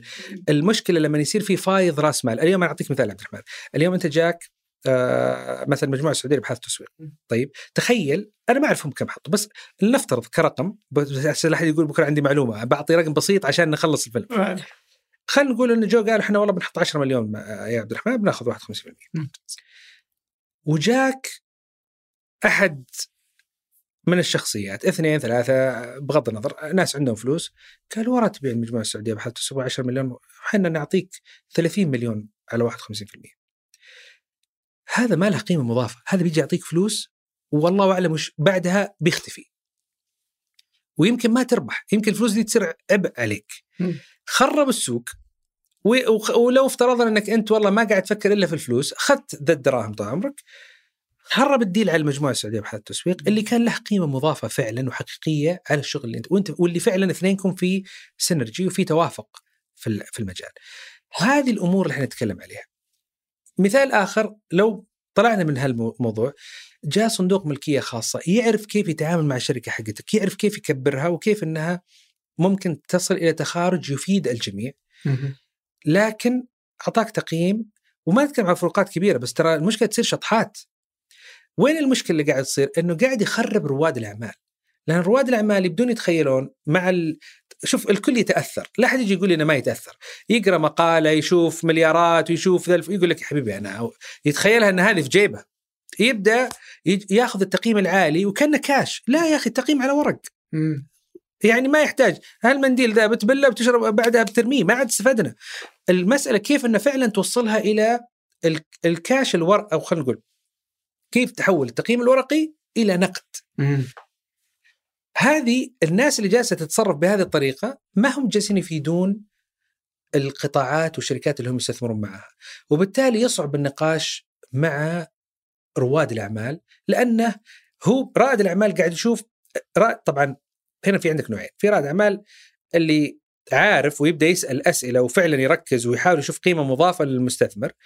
ورائد الأعمال اللي لا والله له هم وقيمه مضافة لشيء يبغى تقييم على الورق وقاعد ياخذ ذا الفلوس وبعد سنتين حتقفل الشركة بس انهم قليلين إي طبعا طبعا إيه. إي يعني قليل بس ودك إن- إنك ترفع العالم تقول انتبهوا من بدري قبل طيب أصلا وش الخيار البديل للآخرين هذول اللي فجاه أو اللي عندهم فلوس من أول إذا ما عندك علم. بالمجال إيه؟ إذا إيه. ما عندك علم بالمجال أجي أجي لل- لل- للشركة أقول أنا مهتم بالاستثمار. إذا جاكم مستثمر بيدخل معكم أنا والله عندي راصد لكم هالمبلغ الفلاني ابى ادخل معكم فيه. مم. كثير من الناس يعتقدون لازم يتكلم مع شركة وقت جولة. لا مو بشرط. أنت الشركة اللي تجوز لك تعجبك روح لهم من بدري. تكلم معاهم وقول لهم أول ما تفتحون أنا معكم هذا المبلغ جاهز. مم. لكن اترك الخبز الخبازة. لأن أنت نفسك مهتم أو خلينا نقول أنت كذلك صاحب مصلحة في دخول صندوق احترافي يبحث عن يقوم بعمله بشكل صحيح سواء كان من عمل فحص نافي للجهالة، الحوكمة، يعني مو معقولة الحوكمة اللي اليوم ليش أغلب الشركات العائلية تواجه مشاكل؟ آسف مو شركة الشركات اللي تملكها عوائل. بدأوا يتحولون لشركات عائلية ويحطون قوانين حوكمة لهم، ليش؟ لأنه ما كانت في حوكمة. تخيل العائلة وهي شغلهم. هم أسسوه هم بدوا وفلوسهم. ما في أحد من برا معاهم لما جت مسائل الحوكمه كانت مسائل مسيطرة بالنسبة لهم يبغون يشتغلون عليها. فأنت اليوم لما تجي آه في تتعامل مع رائد أعمال ما عنده حوكمة وتعطيها الفلوس هذه تراك قاعد يعني فعليا كأنك تسوق سيارة ما فيها فرامل مم. طيب آه مسألة إن الناس تجي إلى ال- إلى الصناديق أصلا بدل ما اني أروح أجلس أدور الشركات اللي أنا أحبها وأروح أحطها آه هذا خيار آه لا شوف عشان ما تح... عشان ما يعتقد البعض إنه أنا قاعد أقول لأ هذه الطريق قفلوا عشان تجون للصناديق لا لا لا أنا عشان كذا قاعد أقول لك اتفق مع الشركة قول لهم خلوا دائما حاول يكون إنه ال lead investor طبعا إحنا نسميه lead investor إنه المستثمر اللي يفاوض على تقييم الجولة واللي يأخذ على عاتقه إنه يشوف الشركة بالتفصيل الممل. روح له. وقو... أنا موش أتكلم عن الشركة. إنه إذا جاكم هال lead إحنا ترى بنحط فلوس. ترى بعض الأحيان إحنا نسويها. بس مو هذا المستثمر الملائكي. المستثمر الملائكي يدخل لا مستثمر البداية. ملائكي داخل بدري. هذا غير. إيه طيب أنا ما. تكلمت عن المستثمر الملائكي بالمناسبة. طيب ما كان السياق كله على إنه مستثمر ملائكي. لا لا لا لا. كنت أتكلم على ناس يجون في مراحل متأخرة. هي المشكلة صار عندك شيء يسمونه super angels حتى في أمريكا ترى. إيه. إنه الناس اللي حققوا تخارجين كويسين صار عنده فائض كبير من رأس المال صار ينافس الصناديق فيدخل بقيم عالية فيدخل جداً. تقييم عالي بدون أساس. طبعا ورائد الأعمال يستسهل الشغلة. فلما تيجي أنت كصندوق تسأل أسئلة يقول لك عمي أنا ماني فاضي لك. مم. طب بس فعليا على ال... يعني مرة ثانية أنا أتكلم كناحية صحية مم. هذا مو بصحيح. أوكي. طيب ودي أخذ كم حاجة يعني في آه، آه، في في هذا المجال وبحكم خبرتك. وش الأماكن اللي أنت تشوفها اليوم؟ خصوصا في منطقتنا يعني إذا أخذنا الخليج أو آه، في الوطن العربي وش ال- ال- القطاعات اللي ما حد لمسها ما حد دخلها إذا افترضنا إن التوصيل مثلا من الأشياء اللي خلاص شوف ال... ال... الأمن السبراني ما زال على يعني مرحلة استشارات لكن ما في أحد يقدم حلول حقيقية في هذا المجال آه كبرمجة أنا أتكلم طبعا آه. الروبوتكس كمنتج ولا كخدمة؟ الآن كخدمة لأنه اللي قاعد يصير خدمات استشارية أفراد لكن هالافراد هذول هذه النقطة اللي اتكلم الافراد هذول إيش قاعد يسوون؟ قاعدين يستخدمون منتجات خارجي أو منتجات شركات أخرى ما في شركة محلية اللي عندها ال software حقهم يعني برغم من زمان يعني الشيء الوحيد اللي شفناه في ال software برامج محاسبة. يعني آه لكن أحد يبني ال software حقه عشان يتعامل مع ال- ال- داخليا هذا ما كان موجود. آه حتى في القطاع اللوجستي في أشياء كثيرة مفقودة إلى اليوم. وش نقصد آه، مثلا باللوجستي؟ م- يعني اليوم أنت عندك الناس تتكلم على ال last mile. في التوصيل لكن ال core systems حقتها أغلبها قاعد يستخدم فيها أطراف ثالثة ما تخدم ما هي موجودة داخلية. على سبيل المثال عندك اليوم قطاعات آه الخرائط الداخلية حساسة هذه تعتبر ق- يعني حتى امنيا حساسة للدولة. هل إحنا سوينا أنظمة خاصة فينا؟ لا في بعض الأنظمة الخاصة موجودة بقطاعات عسكرية لكن إيش خرائط داخلية قصدك؟ كبناء قواعد بيانات داخلية. آه يمكن أعتقد أفضل ناس اشتغلوا في الأمور هذه آه علم بحكم الفرص اللي أتيحت لهم. آه لكن لو أتيح جوانب أخرى لشركات أخرى تجاريا آه كان ممكن يكون في فائده طبعا في ناس كثير آه الصعوبات هذه يتخيلونها صعوبات على الشركات ترى حتى الجهات الحكومية يعني أنا لما أتكلم مع كثير من الزملاء آه، من زمان هذا الكلام يعني ما هو بجديد آه، إن لما تيجي قطاع حكومي يتكلم مع قطاع حكومي آه، يواجهون مشاكل. يعني أحد أحد الأمثلة السجل التجاري لما جو يشتغلوا عليه ويطلع أونلاين وخلال يعني دقائق كان يبغون كانت الأمنية أنه تصاريح كمان تطلع فأنت عندك تصاريح البلدية تأخذ وقت و إلى آخره لما جو يتكلمون لقوا أنه آه مثلا وزارة شؤون البلدية والقروية تقول لا يا أخي إحنا ال- ال- البيانات دي حقتنا والتجارة تقول لا طب إحنا نبغى نسهل العملية طب هذه إحنا نبغى البيانات عندنا يجيك إيه. إيه. آه. طيب يا جماعة ترى في الأخير العميل واحد والدولة واحدة. يعني هذا اللي اللي يخليه أحيانا يستفزني داخليا إنه طيب تبغى تتطور لازم تعطي هذه المعلومات وترى أنت ما أنت مسوي فيها شيء. يا أخوي تراك بكرة بتتقاعد. يعني ما عندك شيء. بتأخذ البيانات دي ما أنت رايح فيها البيت. فأبد يا أخي حطها في مكان واحد واعطوها العالم. يعني خلوا الناس تشتغل وطوروا البلد. يعني في الأخير أحس كثرت مو كثرت الرغبة في بعض الأحيان إنه الواحد يحس إنه أنا البطل. آه يعني تخرب أشياء كثير. لا يا أخي أنا إذا أنا أبغى البلد يصير بطل وبالتالي كلنا أبطال. يعني مو بلازم إنه أوه ترى عبد الرحمن هو اللي سواه فهو عبد الرحمن أخطر واحد موجود عبد الرحمن جزء من فريق. هو صح ممكن يكون عطى التوجيه ممكن يكون هذه الشغلة موجودة عنده بس إذا أتاحها لناس آخرين فتح الدنيا للكل صح. فهذه واحدة من أكثر الأشياء اللي تستفزني صراحة شخصيا يعني أوكي. إذا بنرجع للقطاعات آه، هل أصلا في شيء أنت حاطينه مثلا كصندوق ولا صناديق بالعادة يحطون هذه القطاعات إحنا نستثمر فيها؟ إيه بس إحنا لا في بس في صناديق نعم آه يكونوا متخصصين وتلقى أصلا المدير الصندوق متخصص في المجال آه في مجال معين كذا طيب بس في السوق هنا آه، في طيب أشياء لا تدخلها لا تدخلها؟ بالعكس أنا شخصيا أعتقد المفروض تدخل في القطاع. حتى التوصيل؟ لا لا لا لا لا لا. أنا معلش فهمت السؤال غلط. التوصيل أعتقد أنت مو عندك اكت... ال... ال... إلا إذا كان عندك شيء مختلف عن الموجود. آه. بس اليوم يعني أنت تقول بدخل قطاع التوصيل.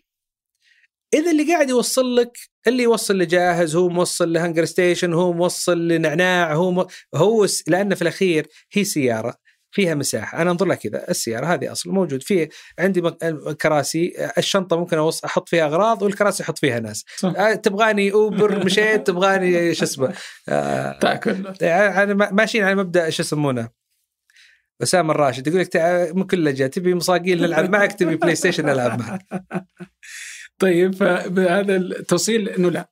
بس في شيء ثاني تتوقع الناس إنه لا. بس إنه لا يزال آه، إي. شوف آه يعني اليوم عندك إذا إذا غيرت فكرك وأي شوف أي قطاع تبغى تدخل هذا اللي لاحظته أنا حتى على ال startups بشكل عام. ترى حتى التوصيل تقدر تدخله بس ممكن ما تدخله من باب إنك بديت بالتوصيل ممكن تبدأ بشيء ثاني. آه ف يعني بدل ما أني أبدأ مثلا على سبيل المثال آه بالسيارات آه لا ممكن أبدأ ب software يحسن من ال routing طبعا كل واحدة فيهم تعتبر هذا شيء. أمني. آه. ممكن أبدأ ال- الناس اللي مثلا الحين دخلوا مبدأ ال- ال cloud kitchen مثلا. cloud kitchen ترى ممكن يكون مدخل للتوصيل لاحقا. إن اليوم ال dark stores اللي يسمونها اللي محلات توصيل يستخدمونها. في الأخير ممكن يوصل فيك للتوصيل. فهي لأن شوف آه التقنية وش اللي جالسة تسوي؟ أغلب التقنيات مرة ثانية رجعت لل first principle فككت ال ال ال الأنظمة وتخ... وتلقى تقنية خدمت جزء من هذا النظام حسنت من التجربة فيه وطورته بشكل كبير جدا و- ومشت فيه. بعدين وش اللي صار؟ تلقى اللي تلقاه أغلب الشركات بعد ما بدأت بقطاع صغير ترجع تبدأ تركب أشياء ثانية واحدة واحدة واحدة. مثال واضح مرة ثانية أرجع لك عشان بس أو الفكر لأن أعتقد هذه قصة مثالية لهذا الموضوع. زوبا. اللي قلت لك حقت الفنتك في بريطانيا بدوا peer to peer lending شوي دخلوا على الائتمان شوي دخلوا على حسابات حسابات الادخار أخذوا ترخيص في هذا الموضوع اليوم قدموا أخذوا في ألف على فكرة شهر 6 2020 أخذوا رخصة ليقدمون خدمات بنكية متكاملة لقطاع التجزئة. شوف وين بدأ في 2005 15 سنة زيه زي البنوك. وين الفرق اللي بينه وبين البنوك الحين؟ البنوك عندهم فروع هو ما عنده فروع. ليش؟ فهو انتبه إنه إيه. البنك بس إنه مختلف تماما عن البنك بالضبط. ليش؟ لأن اولا أنت تتكلم عن صناعة. ال- النقطة الرئيسية اللي أحتاجها أنا معك كعميل وش هي؟ إني أبني ثقة معك. هو بنى الثقة من منتج. دخل على منتج ثاني دخل على منتج ثالث. فجأة أخذ رخصة زي البقية لكن التكلفة عنده أقل بكثير لأنه ما هو مضطر يحط آلاف الموظفين في فروع مختلفة ويدفع أجارات. كل شيء موجود في المنظومة. ليش؟ لأن الناس وثقت إنه هذه المنظومة اللي أونلاين. تكون موجودة وإنها شغالة بشكل صحيح. أوكي. طيب آه أنا الصدق ودي أسولف معك إلى أن يعني آه ياخذ. كل الوقت لكن صدق يعني ما ودي أخذ منك أكثر. الله يسلمك. ودي أخلي هذه مجرد حلقة أولى لحلقات قادمة يعني. الله يسهل إن شاء الله. آه أبد. آه وشكرا لك والله. الله يسلمك. اكرمتني بهذه الجية. والله أنتم شبابكم اللي اكرموني معطيني ك- بدوا معاي ب ك- شو اسمه آيس كريم كنافة. حقتي أكلتها. لا. وقايل لك وزنك. الله يعطيك العافيه الله يسلمك. الله يسلمك. شكرا. زين ومشكلة عوضني أنا الله يعطيك الله العافية. يبارك فيك. شكرا لك شكرا لكم شكرا لمصرف الراجحي رعاية هذه الحلقة وشكرا لصالح بسلامة وهادي الحجالي خلف الكاميرات في تنسيق هذه الحلقة هنادي الهذلي التحرير عند جميل عبد الأحد وفي الهندسة الصوتية محمد الحسن في إعداد هذه الحلقة سحر سليمان. هذا فنجان أحد منتجات شركة ثمانية للنشر والتوزيع. ننشر كل الإنتاج بحب من مدينة الرياض. الأسبوع المقبل ألقاكم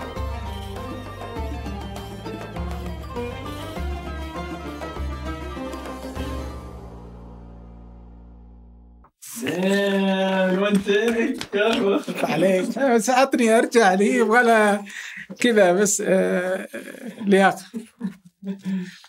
بس فقدت حساسية اللعب